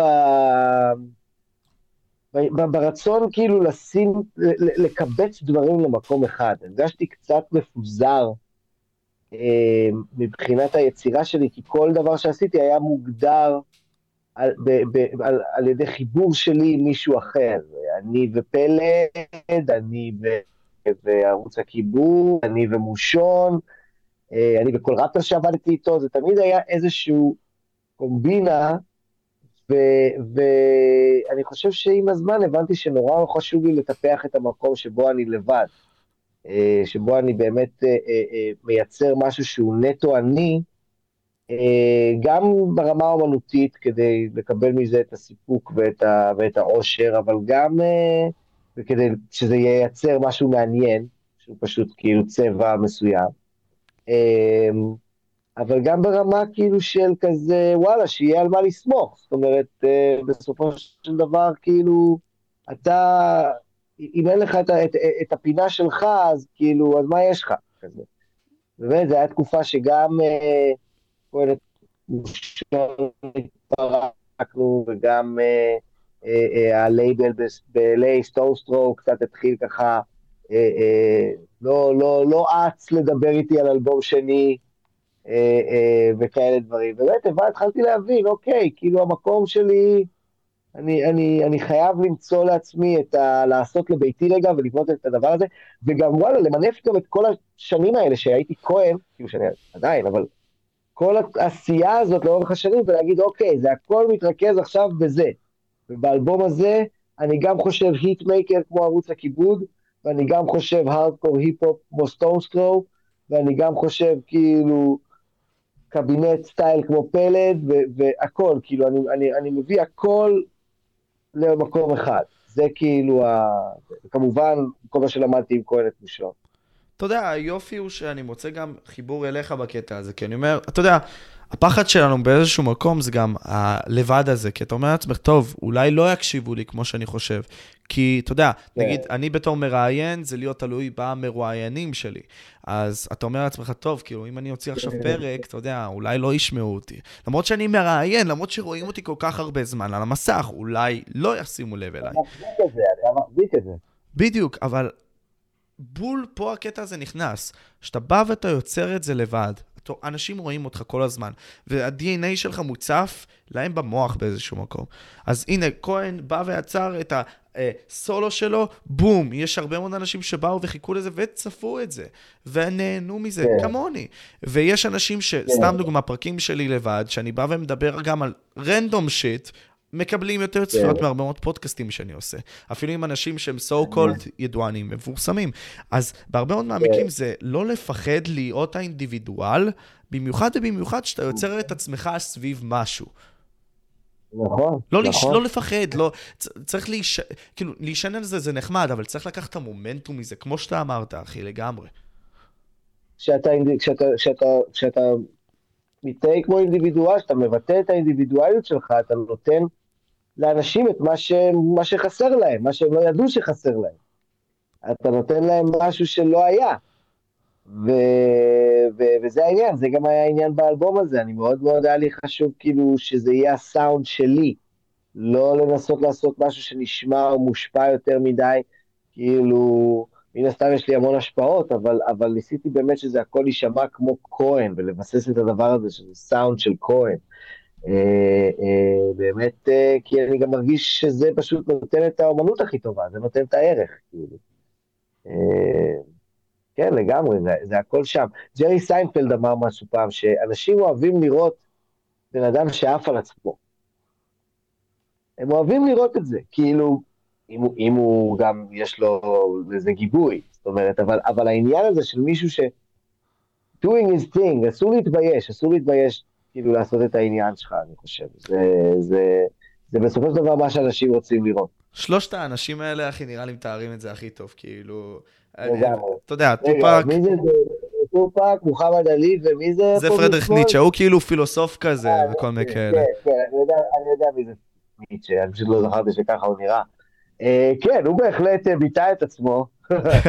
והוא גם, אתה יודע, קראתי היום איזשהו משהו סביב האוטוביוגרפיה שלו, ואתה יודע איך האוטוביוגרפיה שלו מתחילה עם שתי פרקים ראשונים. למה אני נבון ולמה אני חכם. הבן אדם, לא היה לו אכפת, אחי. הבן אדם פשוט... הוא ידע שהוא הוא, הוא גם ביטא את עצמו, בלי יותר מדי לבלבל את השכל על זה. הוא כאילו אמר, אני הולך להיות ישו השני, אני הולך לבוא ולהרוס את כל מה שקשור למוסר הנוצרי. אני הולך להיות הבן אדם הזה, ואתם יודעים את זה, אתם רואים את זה עכשיו קורה בפאקינג 1880 ומשהו. זה הבן אדם. אתה יודע, לי, אחי, היה דוגמה מצוינת לזה, טופק, כאילו, זה... אתה, אתה לא חייב להיות אה, אה, אה, שחצן בהכרח, אבל אני חושב. ש אה, להאמין בעצמך זה דבר טוב, בהחלט, וזה באמת נותן, אני, אני כן אהבתי אז שקניה, אם לחזור אליו, שהוא אמר שלאהוב אותי זה לאהוב את עצמך, כאילו להאמין, זה, זה, זה מוזיקה של, אי-פופ זאת מוזיקה של ביטחון עצמי, אי-פופ זאת מוזיקה של כאילו אה, אה, אה, לבטא את עצמי, להרים לעצמי, אה, להרים ל- ל- לקהילה שלי, אה, זה, זה חלק, חלק מזה. כי כמה אנשים יכולים לשמוע את החרא ואת הרע. למרות שאתה רואה אנשים כמו XXX שדיברו על זה ומשכו את הקהל של האנשים האלה שהם מדוכאים והכל, כן. אבל אתה רואה פתאום את קניה ווסט שהוא מוצא לך את through the wire, ואז הוא כאילו אומר, שמע, לקחתי את החרא והפכתי אותו להצלחה אחרי שהוא fucking קיבל את התאונה כן. הזאת. כאילו, זה, זה, זה מדהים, זה זה סיפור. זה הסיפור שכולנו אוהבים. אתה יודע, הסיפור של, של אה, עשיתי את זה מכלום, כאילו, זה, זה מה שכולנו, כולנו מקבלים ממנו השראה, לגמרי.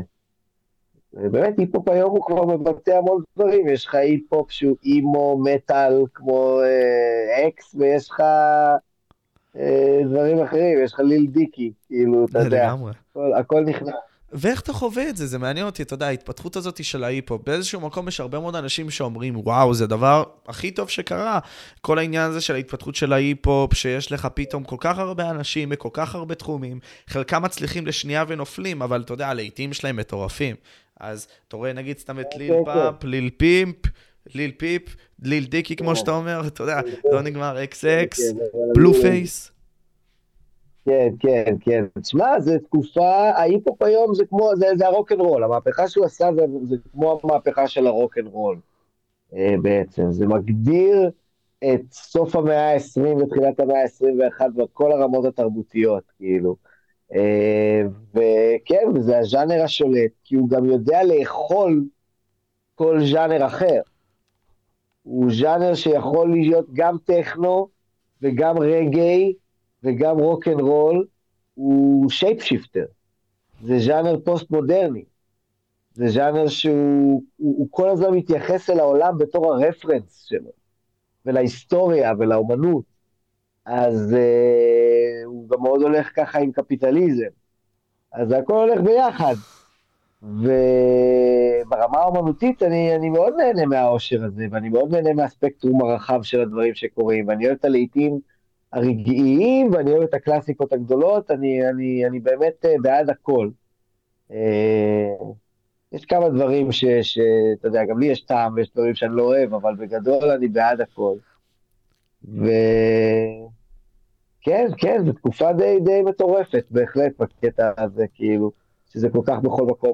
אני נורא אוהב את זה, זה מדהים, כי באו אליי, אה, אה אתה יודע, אני פוגש תלמידים, או כל מיני חבר'ה צעירים, והם אומרים לי, אני בעיקר אוהב היפ-הופ ישראלי בעברית, סליחה, אני אוהב בעיקר היפ-הופ בעברית, אבל, אה, אבל התחלתי גם לשמוע קצת היפ-הופ באנגלית. אני כזה, מה? זה אמור להיות הפוך, כאילו? זה לא אמור להיות הפוך. מתי... זה אמור להיות הפוך, אתה אמור כאילו כל כך לאהוב היפ-הופ באנגלית, שאתה כבר גם מתחיל להתעניין בהיפ-הופ בעברית. והיום זה כבר הפוך, אנשים כאילו, קודם כל מקבלים את הרעיון הזה של ראפ בעברית, ואחר כך כאילו אומרים וואלה, כן, יכול להיות שאני גם אשמע קצת ג'יי-זי, לא יודע, נראה. כאילו זה די מדהים. והקטע הוא שמעניין אותי גם בעידן הזה, זה כל העניין הזה של הטיקטוק, אתה רואה לי אומנים שמשלמים לטיקטוק לפרסום של הסאונדים שלהם, ואתה יודע, גם אנשים בונים את השירים שלהם היום סביב הטיקטוק, סתם דוגמה, בשביל שהדבר יתפוצץ. כמו נונו, אוקיי? נונו דוגמה מצוינת לזה לדעתי, אתה יודע. ואיך אתה גם חווה את זה, את השיווק האורגני הזה, שאתה יודע, כל כך הרבה אומנים ניסו להילחם על זה, ונגיד... ניפסי אסל, ניקח אותו כדוגמה. אתה יודע, ננצל את הרשתות החברתיות בשביל למתק את עצמך. לוג'יק גם עשה את זה באיזשהו מקום. איך אתה מסתכל על זה? תשמע, זה עוד, אה, זה עוד שוק, זה עוד איזשהו סטור uh, פרנט כזה, או עוד איזה מקום כאילו להתבטא בו באיזשהו מרחב יחצני.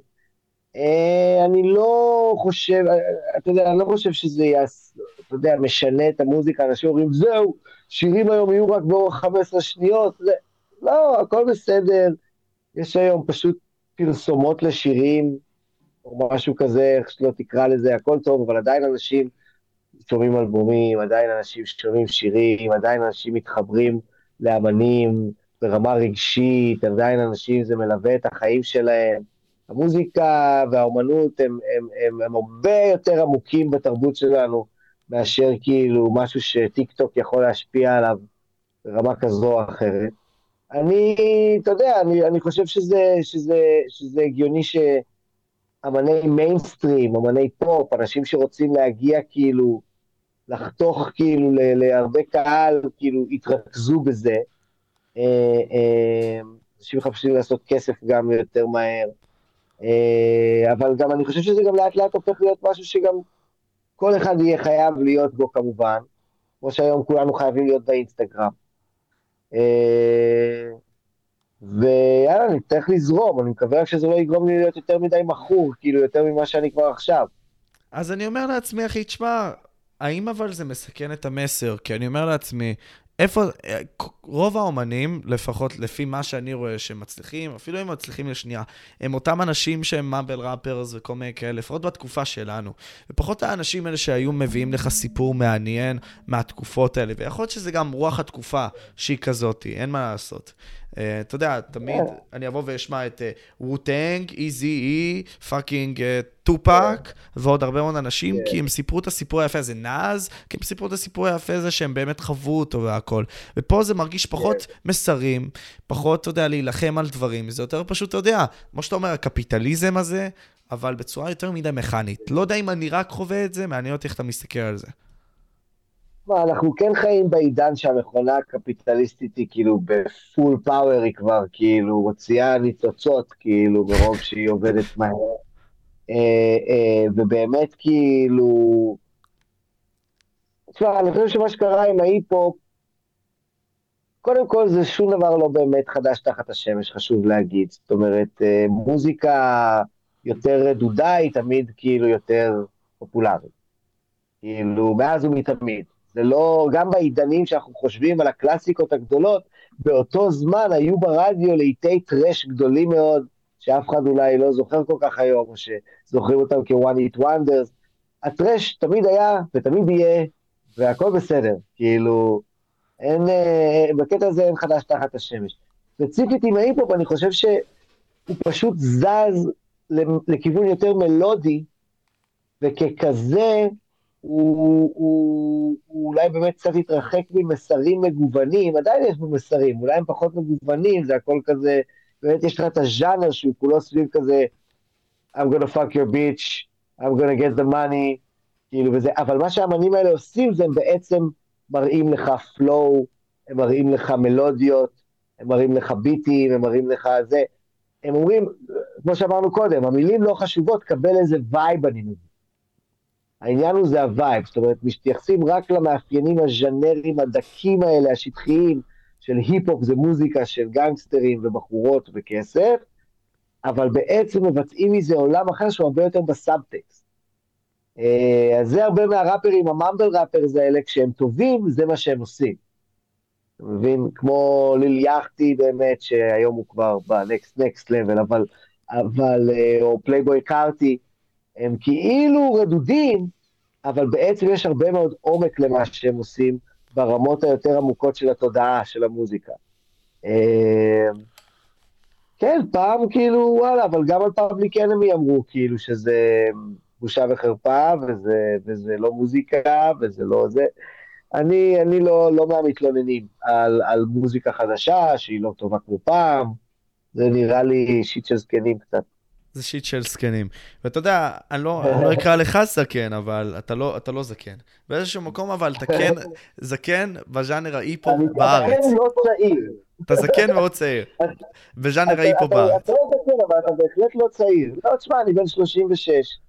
אה, אני, אני, אני כבר באמת אה, קצת ותיק ב, ב, בסצנה הזאת. יש יותר ותיקים ממני, זאת אומרת, אני, אני מרגיש ילד סנדוויץ'. לאדם. אבל... אה, כן, כן, אני, אני, יש, אתה יודע, יש את, את שוחט והדג וסאב ויוסי פיים ומלא אנשים כאילו שאני רואה אותם בתור כאילו ה-OG's, אבל באמת יש חבר'ה צעירים שאני ה-OG בשבילם, וזה מגניב, אני נהנה לשקוע לתוך התפקיד הזה, ואני גם מאוד מאוד מודה ושמח על ההזדמנות להיות גם אמן חדש בעיני הרבה אנשים. זאת אומרת, אני חושב שהרבה חבר'ה גם בגילך מגלים אותי עכשיו, וזה אחלה דבר, כאילו, עכשיו אני גם עושה אחלה מוזיקה. מסכים, אני יכול לאשר, אני יכול לאמת. אני אגיד גם, אתה יודע, מעניין אותי כל העניין הזה של איזה רגע לדעתך, בכל הקריירה שלך באיזשהו מקום, אפילו לפני, הרגע שהכי עיצב אותך בתודעה שלך, הרגע שאתה יכול להגיד שבאמת, אתה יודע, כל אחד יש את הסיפור שלו. אנחנו הגיבורים של הסיפור של עצמנו באיזשהו מקום. איזה רגע לדעתך היה התחתית הכי גדולה שחווית בכל הקריירה שלך, גם בחיים? אשמח שתשתף, כי כולנו חווים את זה. התחתית? התחתית. רגע, התחתית או רגע שהגדיר אותי? התחתית, הרגע הכי נמוך. התחתית, ובוא נדבר גם אחרי זה על מה שהגדיר אותך לדעתך. מעניין, מעניין, מעניין. תשמע, אמ, תחתית. אני חושב שבאמת כל מה שדיברתי עליו קודם, הרגע הזה שבאמת הרגשתי באיזה צומת דרכים, שזה גם היה הפירוק של כהן את מושון, גם ההרגשה של כזה איזשהו מבוי סתום ביחסים שלי עם ארצות הברית, אה, וגם נפרדתי מחברה שלי, נפרדה ממני. זאת אומרת, זה היה... בוא נגיד שזה נגמר בכזה ללכת לים ביוזמתי, ופשוט כזה לצוף במים כזה, כזה באופן ספונטני, פשוט ללכת כזה. ולחשוב על החיים, ממש רגע כזה. וכן, ו... וואלה, אחרי זה גם הגיעה הקורונה, אז בכלל זה היה מין, אה, אתה יודע, ופגשתי גם בקורונה את, ה, את האישה שלימים נהייתה אשתי, אז זה ממש תקופה מאוד רצינית של כזה... לידה מחדש, ותחושה שכל שנות ה-20 שלי היו בעצם הפריקוול למה שקורה עכשיו, ועכשיו זה ה real shit, כאילו. אה, זה, זה, זה מה שאני, אגב, מי שמתקרב לגיל 30, אה, אה, אז, אז, אז אני יכול להרגיע אותו, זה די מגניב בקטע הזה. וכן, זה היה מבחינת רגע של תחתית, אני חושב שזה היה באמת רגע קשה.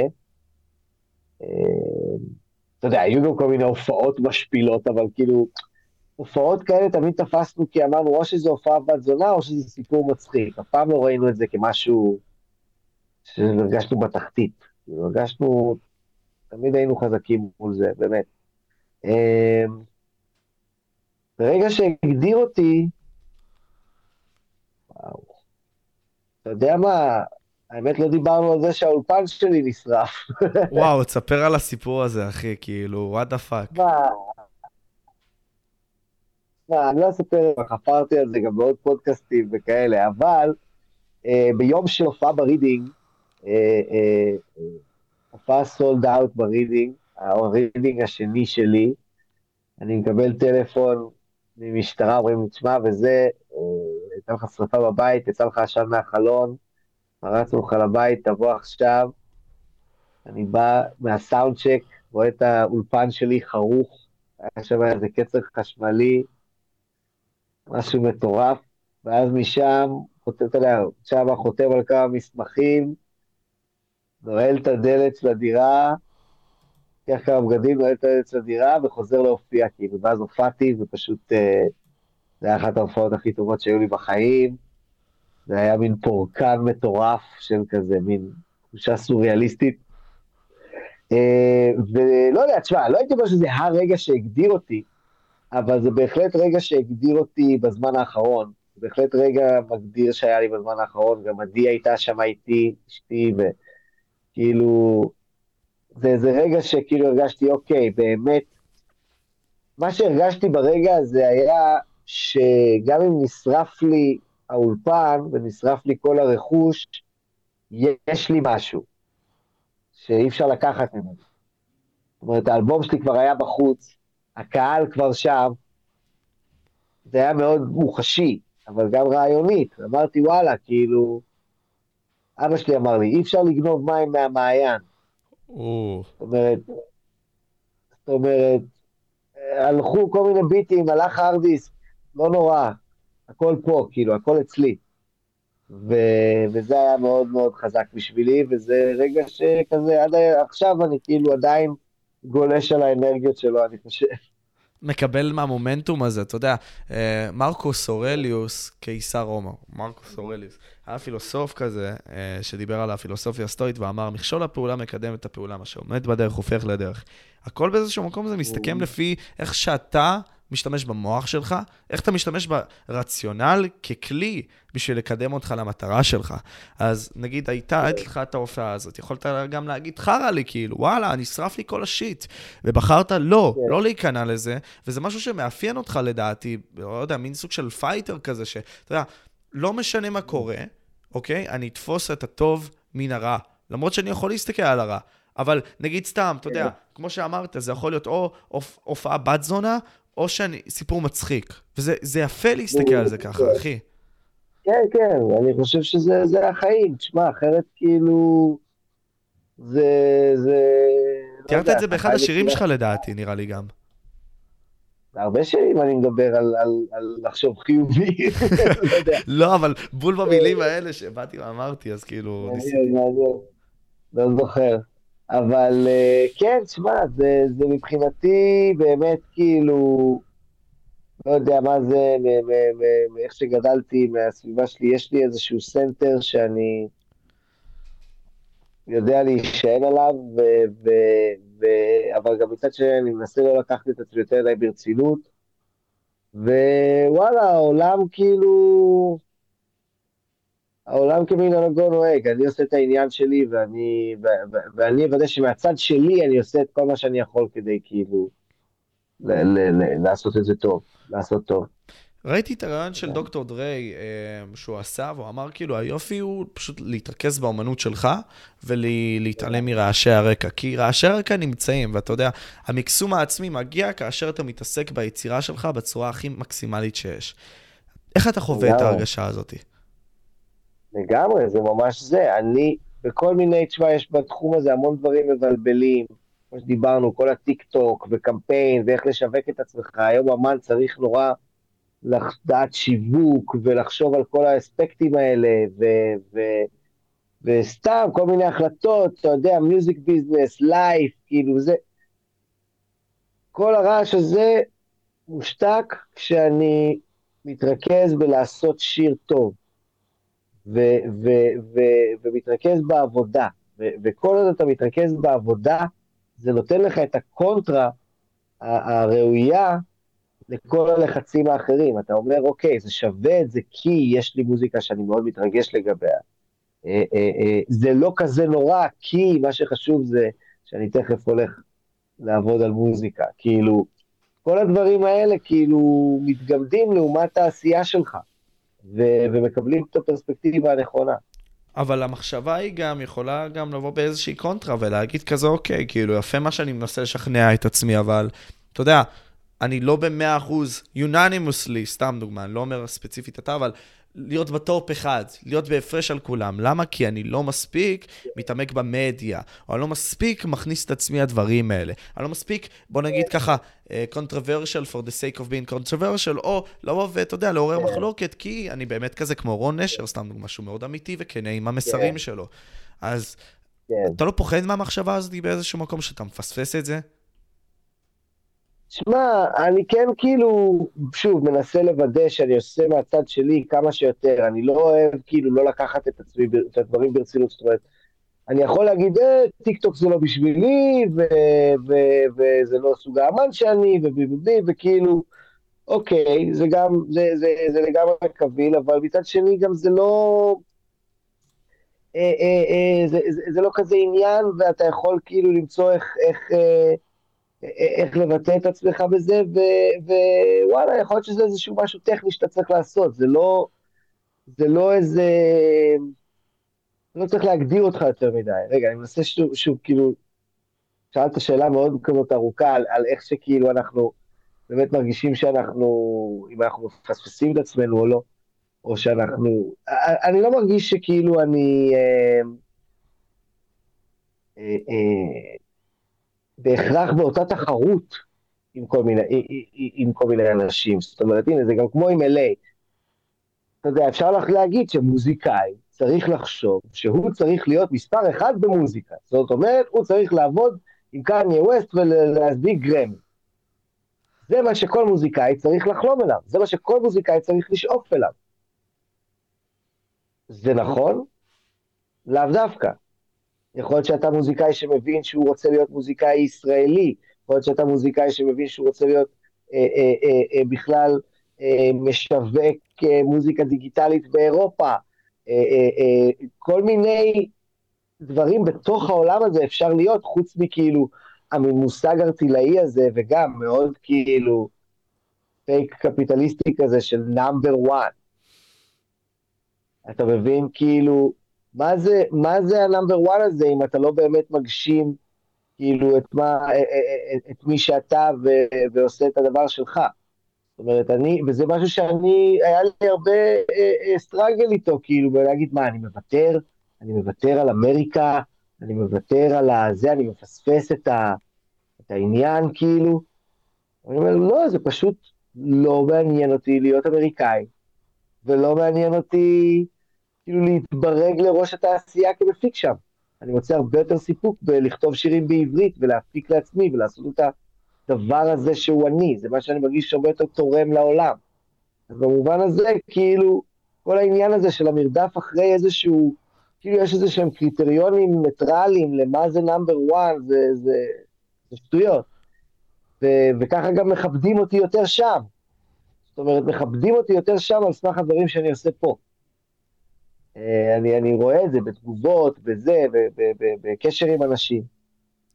אה, ברמה הדיגיטלית ובזה, בקטע הזה של הקונטנט וזה, שוב, אה, הדברים האלה זה, זה, זה מסביב, מה שחשוב זה לעשות שירים טובים ולעשות מוזיקה טובה, וזה בסוף מביא את כל, ה, את כל, ה, כל השיט הכי נכון, וגם מביא את התוכן הכי נכון לכל הפלטפורמות וכל הדברים. הכל, הכל נגזר מזה, בעיניי. אמרת באיזשהו ראיון, אם נחזור טיפה בקטנה ממש למה שאמרת בנוגע ל-LA, ועל זה שאתה רוצה להתרכז בעברית, אמרת, מעולם לא תכננתי לעזוב לאמריקה לתמיד, השנה וחצי שהייתי שם היו רק פרק א' ברומן שלי עם LA. האם אתה עדיין מסתכל על זה ככה? כן, זה תמיד היה, אני אומר שאני בניתי שם, לא בניתי שם בית, בניתי גשר. זה היה הדיבור. כאילו, וואלה, יש לי עכשיו שם קונקשן, יש לי חברים, שאני בא, יש לי, יש לי מי, מי להיות בהם, יש לי אולפנים לשבת בהם, יש כאילו דיבור, וואלה, מה רע לי, כאילו, זה אחלה ראש, יש לי אנשים לשלוח להם ביטים, לפעמים איזה משהו יוצא, לפעמים איזה משהו קורה.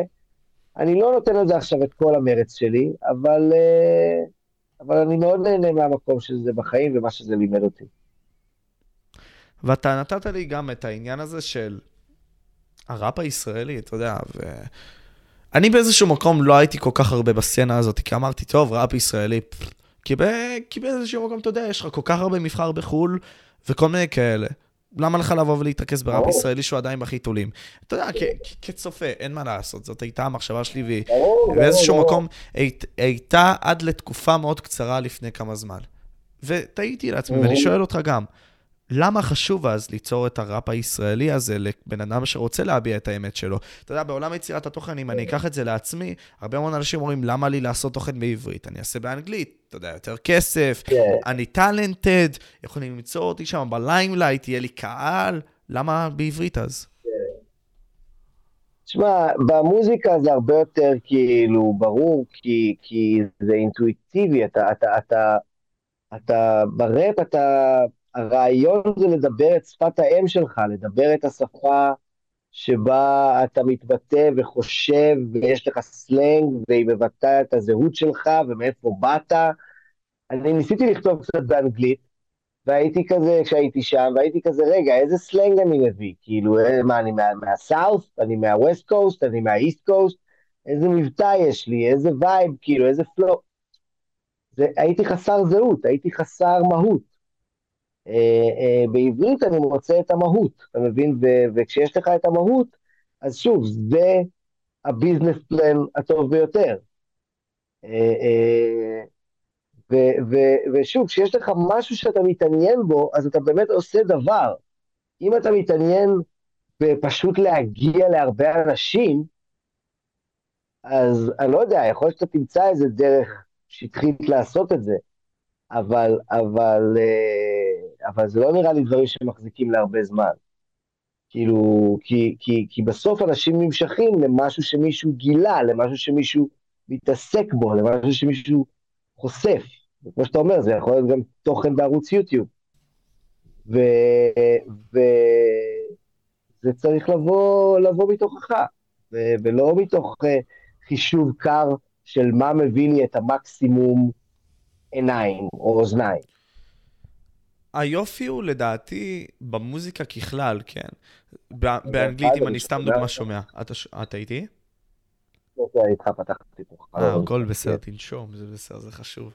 אני אגיד, אחי, שאתה יודע, באנגלית, היופי הוא ש... אתה יודע, גם בכל השפות, שפות, יש דברים שמתארים את החוויה האנושית ככלל. אתה יודע, רגשות וכל מיני כאלה, זה דברים שהם רילייטבול לכל דבר. ומה שמחזק לדעתי את הטענה שלך גם, זה שיש דברים שהם רק בז'רגון הישראלי. רק נכון. אפשרי לתאר אותם בעברית.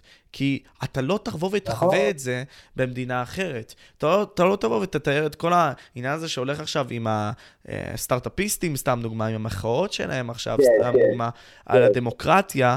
בפאקינג ארצות הברית, כי זה לא אותה דוגמה וזה לא אותו דבר. או הכנסת והפוליטיקאים שפה. למרות שאתה יודע, יש נגזרות שהן תואמות בין כל הפוליטיקאים בעולם, אבל החוויות, הרפרנסים, היופי הזה, שאתה לא מקבל לא. סתם לתאר, סתם לתאר יום קיץ כאילו באוגוסט.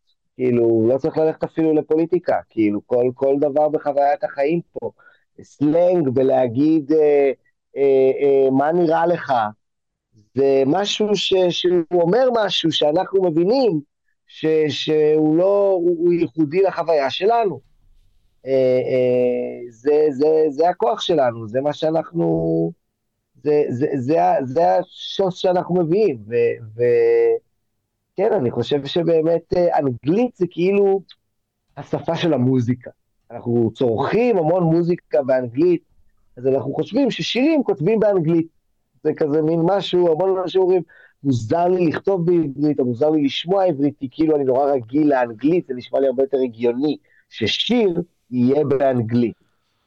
אמ, אבל כשמשהו מפצח טוב את העברית, אז זה חודר את כל, ה... כל החומות, אני חושב. וואו, נחנקתי. תודה רבה. ואני מרגיש את זה לגמרי, מרגיש את זה לגמרי, אתה יודע, תוך כדי שגם התכוננתי לראיון עצמו, כן? אתה יודע, לחזור עוד פעם לשירים שלך הישנים שגם עשית עם fucking מושון וכל מיני כאלה, אתה רואה את הווייבים הישראלים האלה, השכונות האלה, וזה זה מרגיש מגניב, זה, כן, זה כן. סיפור אחר. זה היה. חשוב לנו, זה היה חשוב לנו להבין את זה, בהחלט. אני אשאל יותר עכשיו שאלות, אתה יודע, יורות באוויר יותר מאשר פלואו של שיחה, אז תזרום איתי, אה, כדי שאתה יודע, כל רעיון באיזשהו מקום, עם כל בן אדם לדעתי, אתה יודע, זה כזה פלואו של שיחה וכל מיני כאלה, וזה מגניב, כי זה זורם, זה טוב. אני חושב שהקטע הוא שאתה יכול לתפוס נקודות זמן כאלה, שאתה לא תתפוס בזרימה של שיחה, כי, אתה יודע, אנחנו בני אדם, ולא הכל תמיד זורם בדברים כאלה, אז אני אשמח לפגוע אולי בנקודות כלשהם, שאתה יודע, אולי פחות okay, אוקיי, דיברת okay. אוקיי. עליהם. בילדות, אחי. כאילו, איזה חוויה הכי נצרבת אצלך? כלומר, יש לך אבא שהוא מתעסק בתחום הקולנוע, ויש לך את האימא שהיא שחקנית, וכל מיני כאלה, מעניין אותי גם הדינמיקה הזאת, איך ההורים שלך השפיעו עליך. כאילו, בוא, בוא נרכז את השאלה. תחתן על התחקיר. אני משתדל, אחי, אתה יודע, כל הדברים האלה, ראיונות והכל, אני משתדל, זה חשוב. יותר מוויקיפדיה רק, זה גם חשוב. סליחה, מה השאלה? כן, אמרנו lightning round, מה השאלה? כן, פשוט הרמת לי, ואני כזה מגזים עם זה, shut the fuck up bitch. אני פשוט אגיד ש... מה אתה זוכר הכי מהילדות שלך, או מה אתה זוכר הכי מההורים שלך? וואו, אה, מהילדות עם ההורים, תשמע, לא יודע, אני חושב ש... אני זוכר, מה, מה אני אגיד, עולים לי כל מיני, עולות לי עכשיו כל מיני תמונות, אה, אבל אני פשוט זוכר אה, אה, שבאמת בילדות ילדות, לפני שאחותי נולדה, לפני שהייתי בן עשר, הייתי בן יחיד, והיינו יחידה כזאת, היינו שלישייה כזאתי, והייתי כזה ילד של מבוגרים כזה, מאוד אהבתי לשבת עם המבוגרים, הסתדרתי איתם, הייתי כאילו כזה ילד כזה שאפשר לדבר איתו. ו... כן, איזה זיכרון אני זוכר. אני זוכר את עצמי אה, יושב אה, באיזה מנגל שעשינו בכנרת עם, עם חברים וכאלה, חברים של ההורים, אצלי אין הרבה דודים, זה הכל חברים של ההורים, זה משפחות תל אביביות, זה, זה בעצם הכל חברים, כאילו, והילדים של החברים.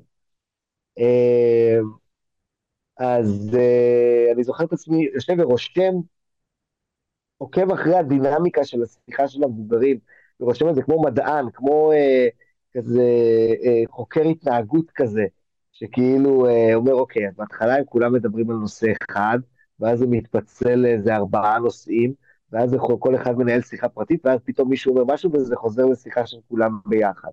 לא יודע, היו לי כל מיני הבחנות כאלה, הייתי ילד קצת מוזר, היה לי מחברות עם כל מיני ציורים ו... ו- ו- וחקירות וכאלה, וגם היה לי מלא צעצועים שהייתי בונה איתם עולמות, היה לי כזה מין מרוויל יוניברס כזה. היה לי הרבה דמיון, הייתי ילד עם הרבה דמיון והרבה עולם פנימי. היו לי גם חברים, לא לדאוג. קצת,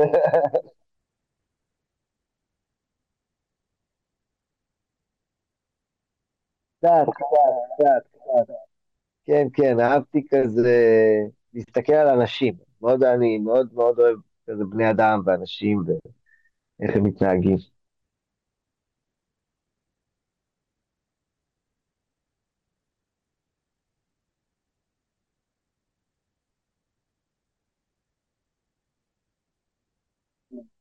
כן.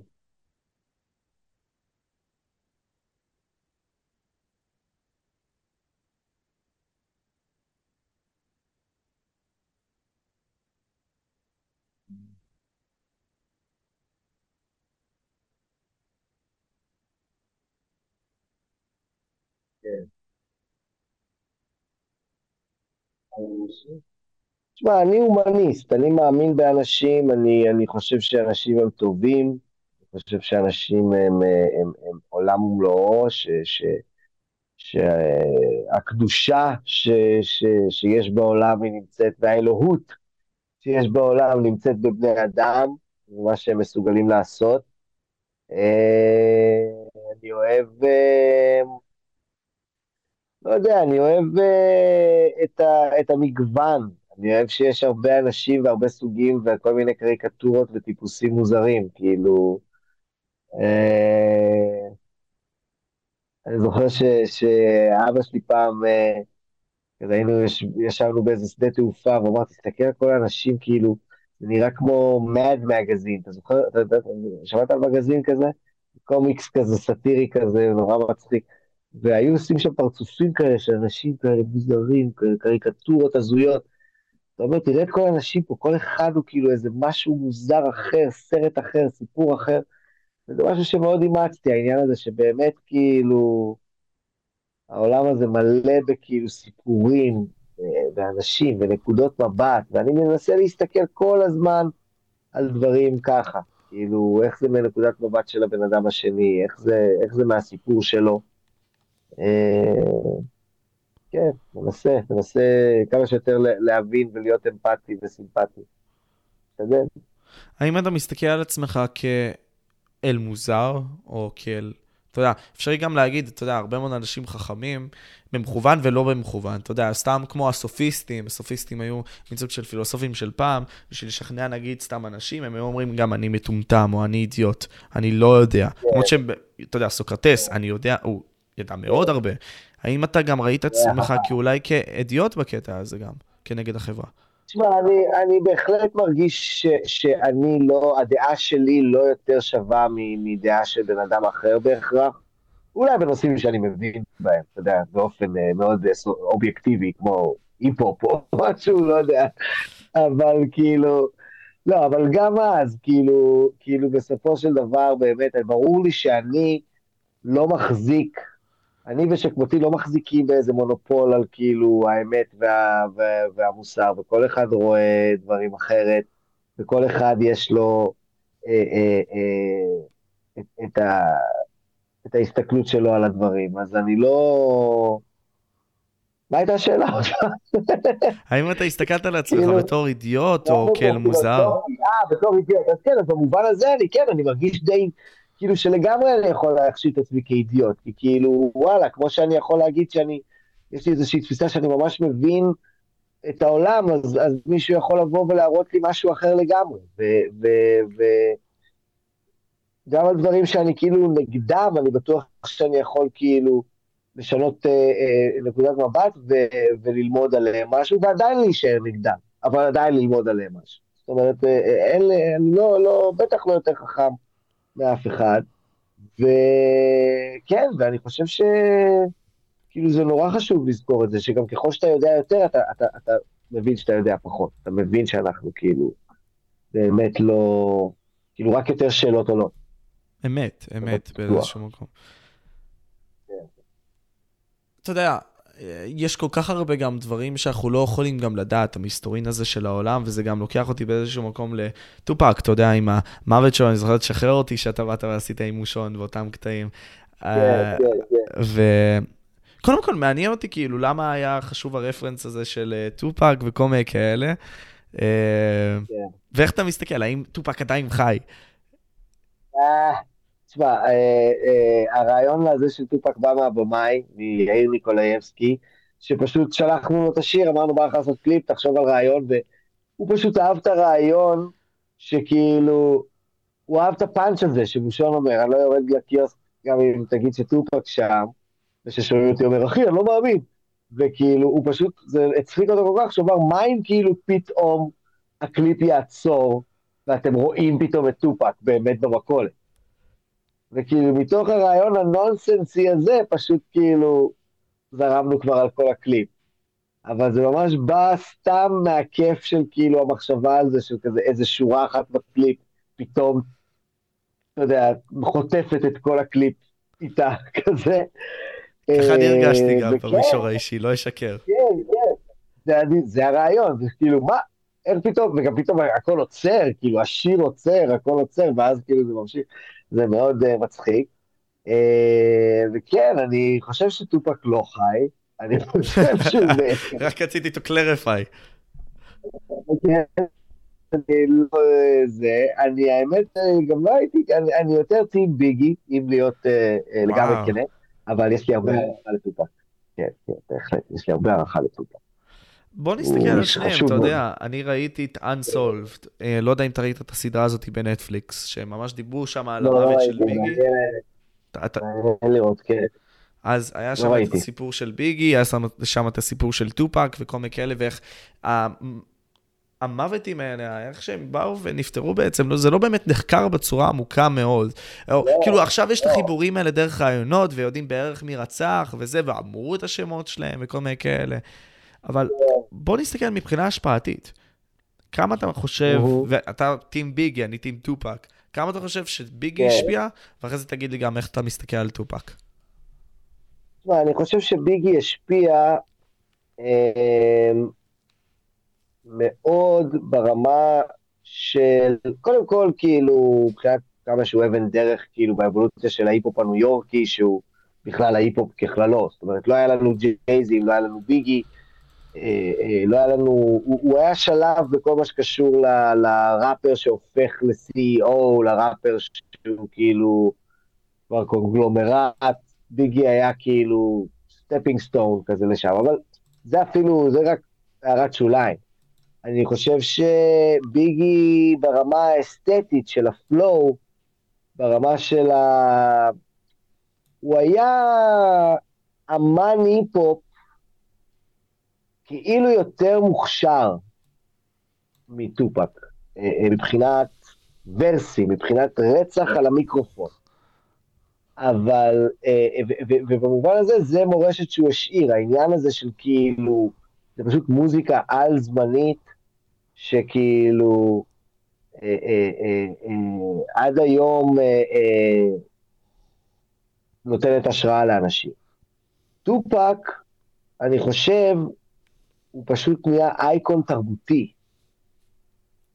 אה, אה, הוא מסמל לאנשים משהו שהוא הרבה יותר ממוזיקה, כאילו, בגלל הדימוי הציבורי שלו, והוא גם היה שחקן, והוא היה, וכל השערוריות וההתבטאויות שלו, הוא היה דמות שזה היה יותר גדול מהמוזיקה. זאת אומרת, אתה תשמע שיר של ביגי ואתה תשמע שיר של טופק, ומפרספקטיבה של חובב היפ-הופ נטו, כזה מישהו יודע, וזה מה שאני הייתי, נגיד, שהתחלתי לשמוע, לא אמרתי, בואנה, טופק זה נשמע ביטים קצת מכוערים, ו flow כזה מטומטם קצת, וכזה הקול שלו נורא מוכפל, וזה כזה לא מאוד כאילו מרשים וסוחף בהכרח כאילו מוזיקלית. ביגי זה כאילו סופר מורכב, והחריזה והביטים זה כאילו top of the line, cutting, כאילו זה.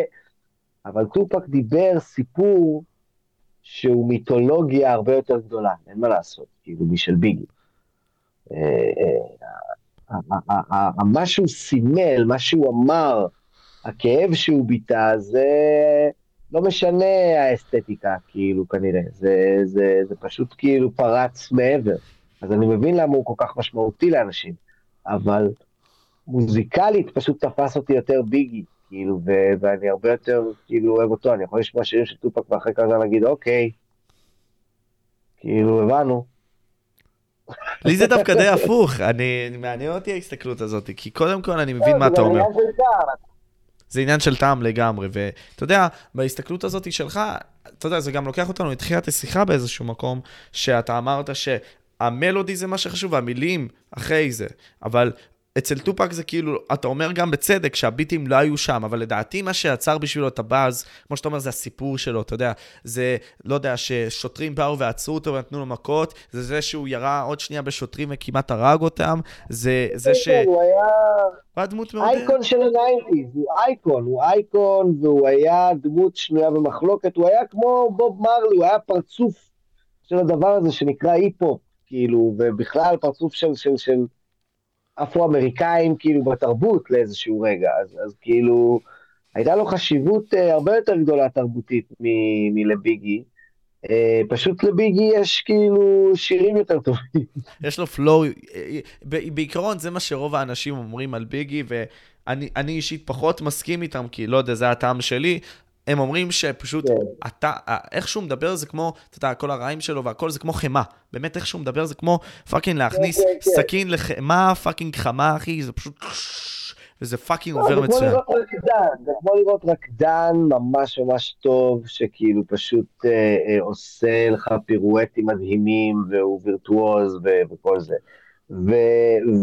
וטופאק זה יותר כאילו... אה, לראות אה, הצגה קורעת לב. כאילו, זה משהו אחר. אה, כל אחד ומה שהוא אוהב. נגיד, יש סרטון מאוד מפורסם של ביגי ב-1989, בן 17, די בטוח שאתה מכיר את הסרטון הזה, שהוא פשוט בא וקורע בן אדם, אחי. זה העניין, זה, זה, זה כשאתה אוהב את האנרגיה הזאת של ראפר, אתה מתחבר למקום הזה של ראפר שרוצח, וכאילו אתה מקבל את האישיות שלו גם, שוב, מהסאבטקסט, אז ביגי זה חוויה מאוד מאוד עוצמתית. ומסכים איתך באיזשהו מקום, למרות שאני פחות אוהב את השירים שלו, כן? אם אני אוסיף גם לטופק, ולא יודע, קשה לי, קשה לי לדבר על ביגי, לא יודע למה, אני רוצה לבוא ולזרום איתך ולהמשיך איתך, וזה פשוט קשה לי, לא יודע למה. לא, לא, זה כמו מכבי והפועל, אתה יודע, זה אין מה לעשות. כי זה באמת ככה היה, זה באמת ככה היה. אתה מרגיש לא נאמן, אתה מרגיש שאתה לא נאמן. אני אין לי עד כדי כך גדולים בוויכוח, כאילו, הלוואי ושניהם היו... חיים היום ועושים מוזיקה מביכה שתבייש את נעוריהם. והקטע הוא לדעתי גם שטופק, וזה משהו שהרבה מאוד אנשים אמרו עליו, שהוא כאילו מת בגיל צעיר והוא גם ניבא את זה, אתה יודע, מהאלבומים שלו והכל, ואמר את זה כן. לאנשים שלו, שאתה יודע, גם אנשים כן. קרובי משפחה שלו אמרו שהוא דיבר כל הזמן על מוות, מוות, מוות, ובסוף הוא הביא את זה על עצמו. כן. זה גם איזשהו סימבול מסוים, שהוא ניבא את המוות שלו, כאילו הוא טרנסצנדנטי, הוא מטורף. אבל כן, ביגי, אתה יודע, לפחות ממה שאנשים אומרים, אתה גם אומר, זה שפשוט הבר שלו היו במקום, המשמעות הייתה שם, וה... לא, הוא גם אומנותית עשה הרבה, זאת אומרת, אה, אה, אה, Suicidal Thoughts זה שיר מטורף, כאילו, וקורע לב, כאילו, והוא היה יותר תיאטרלי. דיגי עשה כל מיני שירים כאלה, הוא עשה שירים שהם כזה חצי מערכונים, חצי סצנות כאלה, הוא היה הרבה יותר קולנועי ותיאטרלי וסיפורי כזה מטופק נראה לי. טופק היה יותר כזה... פשוט מספר מה שהוא רואה, וכאילו קורע לך את הנשמה כזה.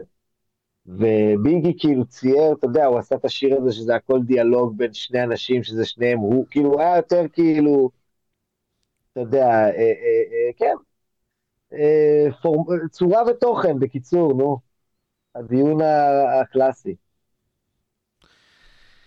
איזה שיר לדעתך, ואחרי זה אני אשאל עוד שתי שאלות ונסיים, איזה שיר לדעתך כן. וזו שאלה מאוד קשה, כי אני אומר לעצמי, זה כמו לבחור אה, את הילדים שלך באיזשהו מקום, כן? ואתה יודע, לבחור רק אחד מהם. איזה שיר הכי מדבר את כהן?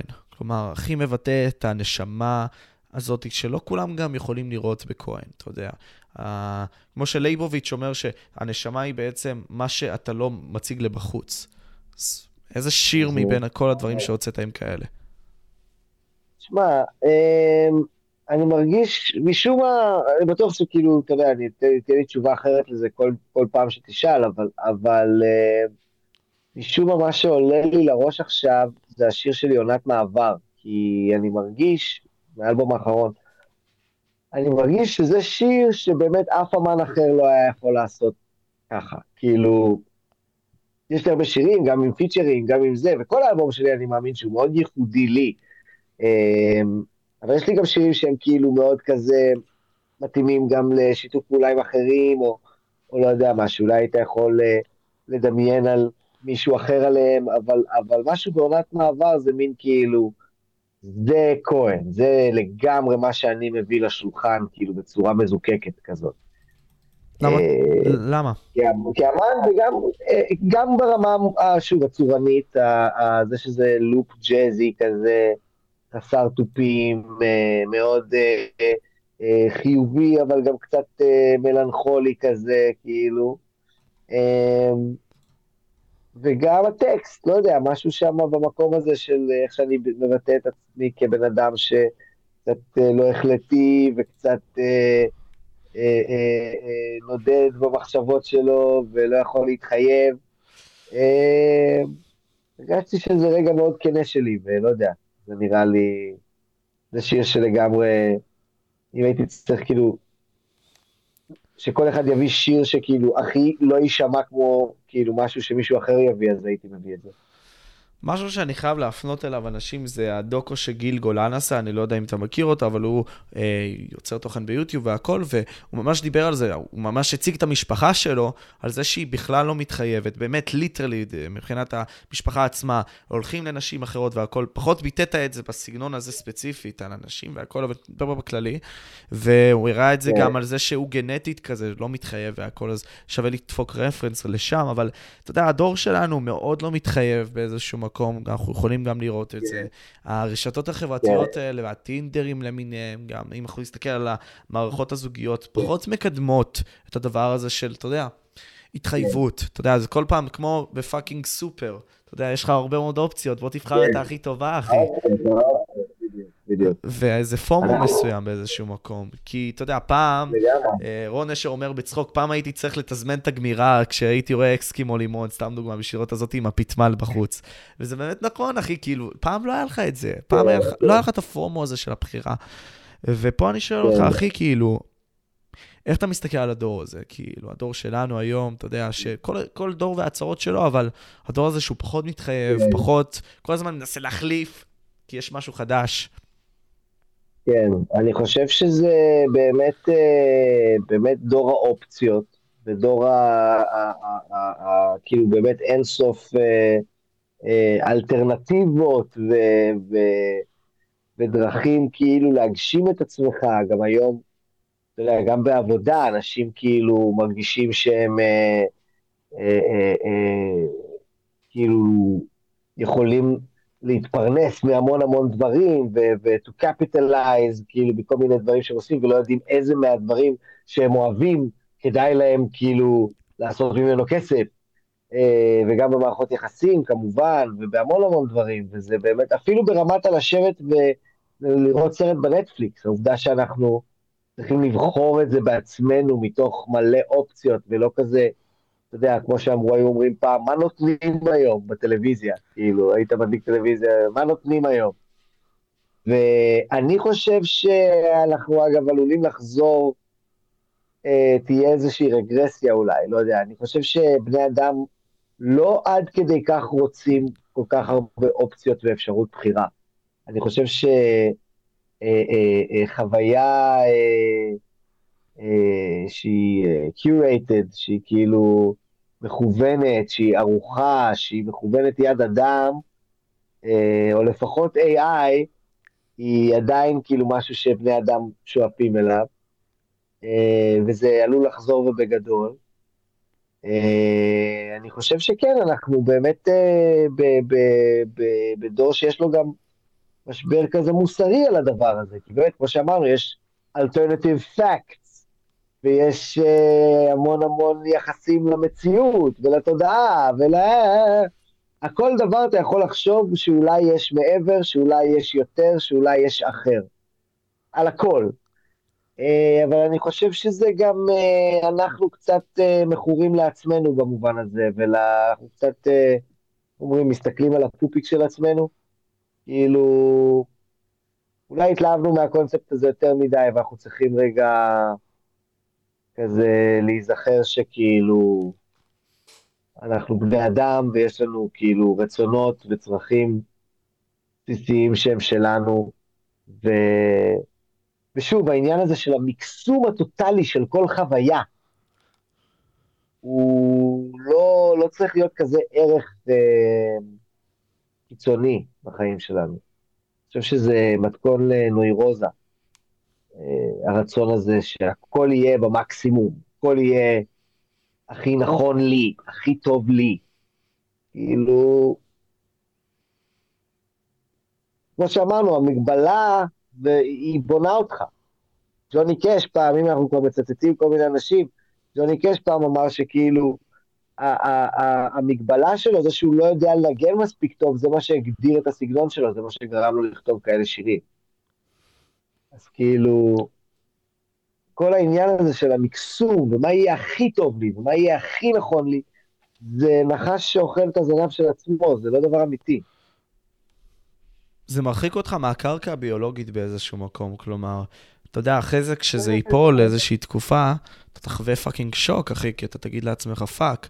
כאילו, כל הזמן קיבלתי את זה, היום אנחנו הכי פריבילגיים, אבל אנחנו מנסים לפתור בעיות שהן לא כל כך חשובות באיזשהו מקום, מאשר לפתור בעיות שיכולות להיות יותר חיוניות לעתיד שלנו כבני אדם. מתרכזים על הדברים הפחות נכונים לדעתי, בין אם זה נגיד סתם, אתה יודע, עם כמה שזה חשוב, כל העניין הזה של להגדיר את עצמך והכל, המאבק הזה מבחינתי הוא לא כזה חשוב. אה, כמו... כן, ש... מאבק הזהויות. מאבק הזהויות. כי, תשמע, כן. עוד פעם, יש ביולוגיה בסיסית של בני אדם. כמו שאתה אמרת, נגיד סתם, בני אדם רגילים, אתה יודע, זה משהו בנו. למה אנחנו מאמינים באל? למה אנחנו הולכים תמיד לזה? למה אנחנו רוצים את המטאפיזיקה הזאת? כלומר, האמונה בעולם הזה שאנחנו לא יכולים גם לראות אותו, מהסיבה הפשוטה, אחי, שאנחנו, משהו בו ingrained בנו, האמונה הזאת, ה-belief. זה משהו שאנחנו צריכים, וגם אנחנו צריכים להיות ממוקדים בדבר אחד כבני אדם, ולא במיליון דברים כמו היום, באיזשהו מקום. יש את המחקר הפסיכולוגי הזה שמראה את זה גם, שיש נגיד סתם אנשים שזורקים כדור וכל מיני כאלה, ואז אתה רואה גורילה שנכנסת, והם לא שמים לב. למה? כי הם מתרכזים במשחק. אנחנו בומבה בומבה פה. כן. אנחנו בעיקר מותקפים חושית כרגע, ולא מסוגלים להשלים שום מחשבה בערך, עד שלא תוקף אותנו הדימוי הבא. אה, כן, ונכון, אנחנו באמת בהתעסקות אה, מאוד אה, אינדיבידואליסטית כזאת, וכל אחד מתעסק באמת בזהות שלו ובהגדרה שלו. יש, לפחות, לפחות בספירה מסוימת, לפחות בספירה האינטרנטית. כי האינטרנט הוא מגרש המשחקים של האינדיבידואל ושל הנרקסיסט ושל ה... ושל, אתה יודע, כל מי שבאמת... וגם של כאילו ויכוחים על ערכים. זאת אומרת, אנחנו באמת אולי פחות מתעסקים ב-real world problems, כי אנחנו כל הזמן מדברים על ערכים, על כאילו, מה זה גבר ואישה, מה זה, אה, אה, אה, אה, אה, לא יודע מה, זהות לאומי, כאילו, נושאים מאוד מאוד גדולים שקשורים לזהות שלנו, והרבה מקרים נקודתיים קטנים שהופכים למין דיונים גדולים על ערכים, שמתרגרים אנשים, והתרגורים האלה מכניסים גם קליקים, וצפיות, וכסף, זה הכל הולך ביחד. אה, כן, זו תקופה מבלבלת בקטע הזה, אבל אה, זה sign of the times, וכל דור חושב שהוא הדור שמשמיד את העולם. נראה לי הכל יהיה בסדר. יהיה בסדר. נשאל, מצטער, יש... שאני, זה בסדר אם אני אקח עוד איזה כמה דקות, עוד איזה עשר דקות ממך מהזמן שלך? הכל טוב, הכל טוב. אתה רואה שאני כבר נכנס לזון. אבל אני, אבל אני פה. אני אוהב את זה, אחי. כן, דבר אליי. יש טיפה נושא שנוי במחלוקת, עבר זמנו, אבל גם לא עבר זמנו, עם כל העניין הזה של שבור של רון נשר וסטטיק. לא שמעתי כל כך את ז'אנר ההיפו בארץ מדבר, על, כאילו האומנים הספציפיים מדברים על זה, או נותנים את הריאקשן שלהם על זה. איך אתה חווית את הדבר הזה, שהוא גם עד עכשיו נראה לי ממשיך באיזשהו מקום ברבדים השונים, אמנם על אש יותר נמוכה, אבל איך אתה חווית את זה באותה תקופה? האם בכלל הסתכלת על זה? זה מעניין, כאילו. לא, לא כל כך הסתכלתי על זה, כאילו, הנושאים האלה מעניינים מאוד uh, קהילה מסוימת של אנשים, את המעריצים של רון, את, ה, את, ה, את, ה, את הקהל הזה, אה, אבל אה, זה לא כל כך מעסיק את כל הסצנה, כאילו, זה, אתה יודע, רכילות, כאילו, ראית את הכתבה, ראית מה הוא אמר, זה, זה די נגמר, כאילו, אין לי קשר אישי איתו, אני לא, לא כל כך מכיר אותו, אה, אה, אה, גם לא את סטטיק, אין לי מעורבות בדבר, כאילו, זה לא... לא, לא, לא יודע, לא התעניינתי, לא התעדכנתי. אני מקווה שהכל, שהכל יהיה בסדר. זה, זה קשה השיט הזה. זה קשה החברויות ולעשות מוזיקה ביחד. לי קשה, זה הרבה אמוציות. רגע, לא שמעתי מה אמרת בסוף? אני יכול להבין את ה... אבל לא יודע. אני אומר, אני יכול להבין את הכאבים ושאנשים מתבאסים, אבל אני באמת, אני, בסיפור הזה אני לא כל כך מבין בזה כלום, ו, ובאמת, גם חברים שלי, כאילו, אנחנו לא, לא מתעסקים בזה כל כך. וטוב שכך, אחי. אהבה, כאילו, באמת. כן. זה some deep shit, אחי, זה, זה nasty shit יותר נכון, זה לא deep shit, זה nasty shit. אה, כן, זה זה מהדברים האלה. שמע, אני רוצה לקחת אותך ל fucking מיכאל כהן הצעיר.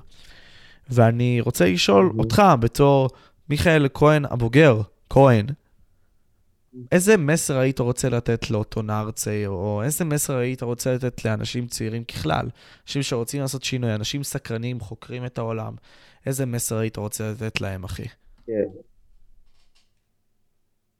אמ, אני רוצה לצעירים מסר שכאילו, וואו, שאלה טובה. אמ,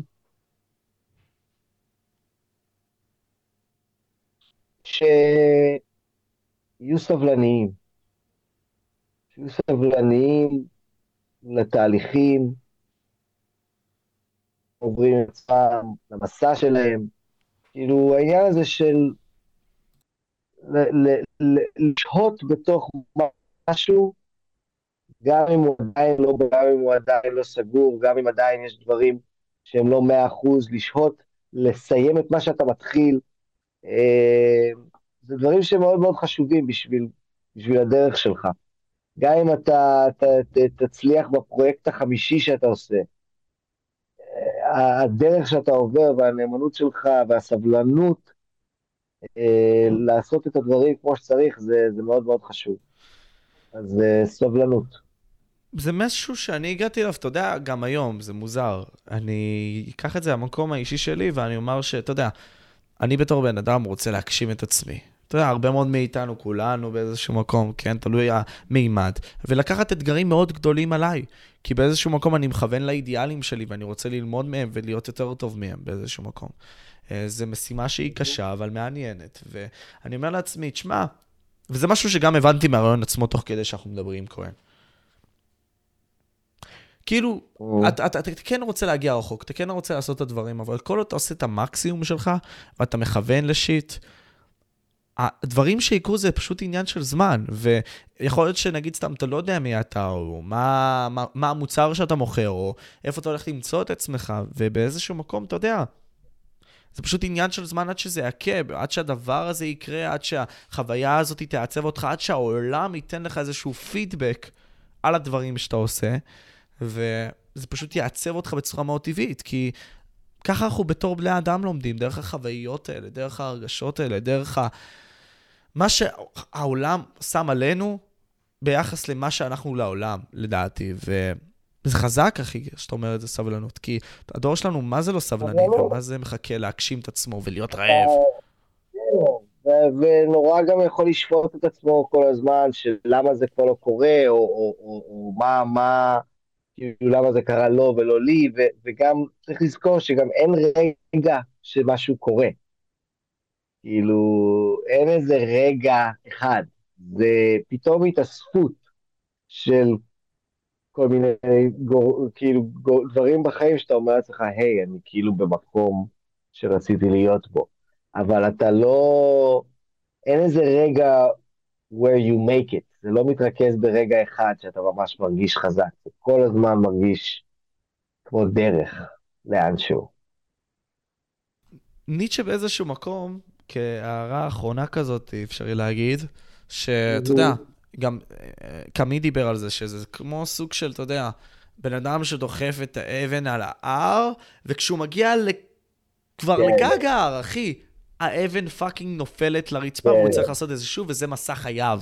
וניטשה גם, אתה יודע, תיאר את זה גם בכתבים שלו בנוגע לזה, וזה זה לגמרי זה, זה לכוון לפיקים, ואתה יודע, בגלל שאתה יודע, להיקשר יותר מדי ב peak הזה, בלי לבוא ולאתגר את עצמך, אתה משתעמם, אז אתה צריך למצוא עוד פעם אתגר חדש. אז זה משהו שלא נגמר. אין דבר כזה המגדיר אותך כאדם. זה, זה הכל סיפור. השאלה היא איך כן. אתה עושה לזה frame, לדעתי, לא כך? כן, כן, איך אתה פשוט כאילו באמת גם לומד לאהוב את הסיזיפיות הזאת ואת הכאילו חוסר אה, תוחלת הזה. אתה אומר לעצמך, אני פשוט כאילו אוהב לשהות בתוך זה, אני אוהב להיות בתוך זה. ו, וגם uh, כשזה קשה, גם כשאתה לא אוהב, אז פשוט לא, לא לוותר, לא לוותר ולא להיות בפאניקה, לא להיות בפאניקה ולא, ו, וגם לתת לעצמך לנוח, לא להיות בפאניקה, אתה, אתה יודע, אנחנו באמת חיים בעידן שבאינטרנט הוא כזה מין, אתה יודע, הוא מנסה לתת לך מוטיבציה, אבל לגרום לך להרגיש שאתה לא עושה מספיק, אתה לא מספיק משווק את עצמך, אתה לא מספיק מוכר את עצמך, אתה לא מספיק משקיע את השעות כמו גרי וי וזרי גי וכל מיני חבר'ה כאלה, ו- ו- וכל הטייטים והשמייטים, כאילו, זה גם, זה הכל אה, אה, המצאה כאילו של, של, של, של שיווק, כאילו, זה הכל אה, self-help כזה, ש, ש... טוב ללמוד ממנו, אבל, אבל אה, אסור אה, לחשוב כאילו זה באמת העולם וזה המציאות. הוא לא באמת sustainable לבן אדם אחד. כן, הוא לא באמת sustainable לקיום אנושי, זה, זה רעיונות של בני אדם, של תפיסה שהם, שהם חושבים את עצמם כמאוד אספקט מאוד צר של מה זה בן אדם. אפשר להיות הרבה מאוד דברים, ו- ו- ומותר גם לסלוח לעצמך, ולהיות רך עם עצמך, ולנוח, ולקחת את הזמן, ולהיות אבוד. מותר להיות אבוד, זה חלק מהעניין, זה להיות אבוד. אז כאילו, הכל בסדר, בטח בשנות ה-20. רגע, הכלב שלי רוצה לעשות את זה. אה, זה לגמרי העניין, שבגילי ה-20 אתה, אתה, אתה בכלל לא יודע מה אתה, אתה רק עושה טעויות. כל הזמן טועים. אה, אז, אז, אז לא לשפוט את עצמך בחומרה יותר מדי, ולא, ולא לקנא בכל מיני אנשים באינטרנט. באיזשהו מקום, אתה יודע, זה גם, האינטרנט מראה אותך כאיזושהי צורה, אבל גם יש דברים שהם לא רואים, וזה היופי גם, כי, אתה יודע, נגיד סתם יש בן אדם שמתעסק כל הזמן בפרקור, כל הזמן היה מעלה את זה, זה היה כאילו המוצר שלו ברשתות, אבל הוא הפסיק להעלות את זה. היום כן. קרה לי חבר, ואז אמרו לו, למה אתה לא עושה יותר פרקור? ואז הוא אומר כזה, תשמעו, אני פשוט לא מציג את זה, אבל למה אני חייב להציג לכם את זה? התפיסה, הפרספציה, עם מה שאנחנו רואים בעדשה של העין, כן. אבל הסיפור הוא הרבה יותר גדול מזה, לפחות ברשתות היום. לגמרי. יש חיים מאחורי המצלמה. המצלמה זה לא באמת מראה למשהו, זה, זה מבוך מראות. ושווה לנסוע לצפון, אחי, להיות בדרך לצפון, ואתה יודע, באיזשהו מקום לבקר את המשפחה, אחי, לצאת מחיי העיר, לא ככה. לבהות בחוטי חשמל, ראית את הקליפ? כן, כן, כן. זה הדיבור, זה תוכן, אחי. חוטי חשמל זוזים. ועצים כאלה בצד כזה שבאים והולכים. טוב, תשמע, אחי, קודם כל, I deeply respect you, באמת, בתור אומן, בתור אדם. אחי, תענוג, ממש כיף לדבר, ואחלה, אחלה עניין אתה מריץ, ראיתי גם עוד כל מיני פרקים וזה, סחטן עליך, אני מאחל לך באמת שרק תעלה ותצליח ותמכור אה, את הפודקאסט שלך ל... לא יודע מה, ל-ynet ב-200 אלף שקל, לא יודע, משהו מקביל כאילו ישראלי למה שג'ו רוגן עשה. אינשאללה, אחי, תשמע, לא אבל חשוב לא להיות עבד, אתה יודע, לבטא את האומנות שלך עד הסוף. לא, נכון, נכון. תעשה את כל הכסף לבד. אה, לא יודע, לא צריך לחשוב, תמיד צריך לשים את זה בסקאלה, אבל אה, אני אבוא ואגיד, אחי, שהאומנות ש... אבל באמת, אל תשכח להיות ילד גם, אל תשכח להיות ילד. אל תשכח להיות צעיר. לי זה קשה, אחי, לי זה קשה בתור בן אדם. אני אישית לא עושה את זה כל כך, אני מאוד במטרה שלי, אבל אני כן מנסה לחוות את העולם, זה במאה אחוז. אני לומד, אני... הרובוט מקבל עדכון גרסה מפעם לפעם, אחי. אני הייתי, אני מאוד מאוד שמח על העידן שהיה לי שלא הכניסו אותי למועדונים. אתה מבין שהייתי צעיר מדי וחנון מדי ומכוער מדי כדי להיכנס לברים שהיום אני כאילו, אתה יודע, מקבל בהם צ'ייסרים. כן. זה, זה מאוד חשוב גם להיות uh, קצת לוזר וקצת נובדי, זה חשוב. אני דוג... אמנם אני לא הייתי לוזר ונובדי בתור uh, צעיר, אבל כן לא הלכתי למועדונים האלה, אחי, זה היה מדהים, כאילו, תשמע, כאילו, טיפה הייתי לוזר, טיפה, כאילו, עם עצמי, אני יודע, אבל... טיפה, זה טוב, גם אני. וזה בסדר, וזה בסדר, אחי, ואתה יודע, זה הציל אותי באיזשהו מקום, כי פשוט הייתי בחדר שלי, ועצרתי את השיט שלי לעולם, ולא הלכתי למועדונים האלה, ואיזשהו מקום, אתה יודע, זה לח, לחוות את החרא שלך עם עצמך. נכון, נכון, חשוב מאוד, חשוב מאוד. טוב, אני... כן, אחי, שמחתי ותודה רבה.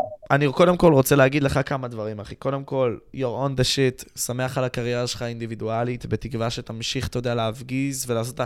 אתה יודע, המשפים האלה אם צריך, וללכת לאנשים אחרים אם צריך, ואתה יודע, פשוט, פשוט בדרך הנכונה, ובתקווה שתפגיז, אתה כבר מבחינתי איזושהי אגדה בז'רגון הישראלי, בהיפ-הופ, אה, ובתקווה שנמשיך להעביר את המסרים שאתה מעביר ומנסה להעביר כל פעם.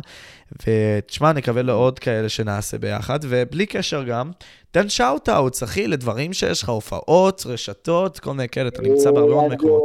תעקבו אחריי באינסטגרם, at MC כהן, M-C-C-O-H-E-N. תעקבו אחרי שיגולה Record באינסטגרם, גם שיגולה. ותראו, יש לי הופעות, אני מופיע בבאר שבע בקרוב, ובחיפה, ובירושלים, קצת הופעות בארץ. בדרך לצפון עכשיו בכל הפלטפורמות והדברים. ואלבום הבא בדרך, עובדים על זה, עובדים על זה. עובדים על זה, אחי. ולטס גו, נקווה שזה כבר יצא, אחי, כי אנחנו פאקינג רוצים את זה. לפחות אני, אתה יודע, באיזשהו מקום. לא נחשפתי לך לפני יותר מדי זמן, אבל אני חייב להגיד שכאילו, אתה יודע, טעם נרכש, אבל טעם שהוא טעים כשהוא נרכש. אתה מבין? הכוונה היא בישראל, ואחרי זה, אתה יודע, זה באמת כן, אחי. טוב, יאללה, מספיק ללקק אחד לשני את התחת באיזשהו מקום, יאללה, מעריך אותך, אחי. אוהב אותך, אחי. יאללה, ביי. הנה אנחנו בעוד פודקאסט של משה פבריקנט.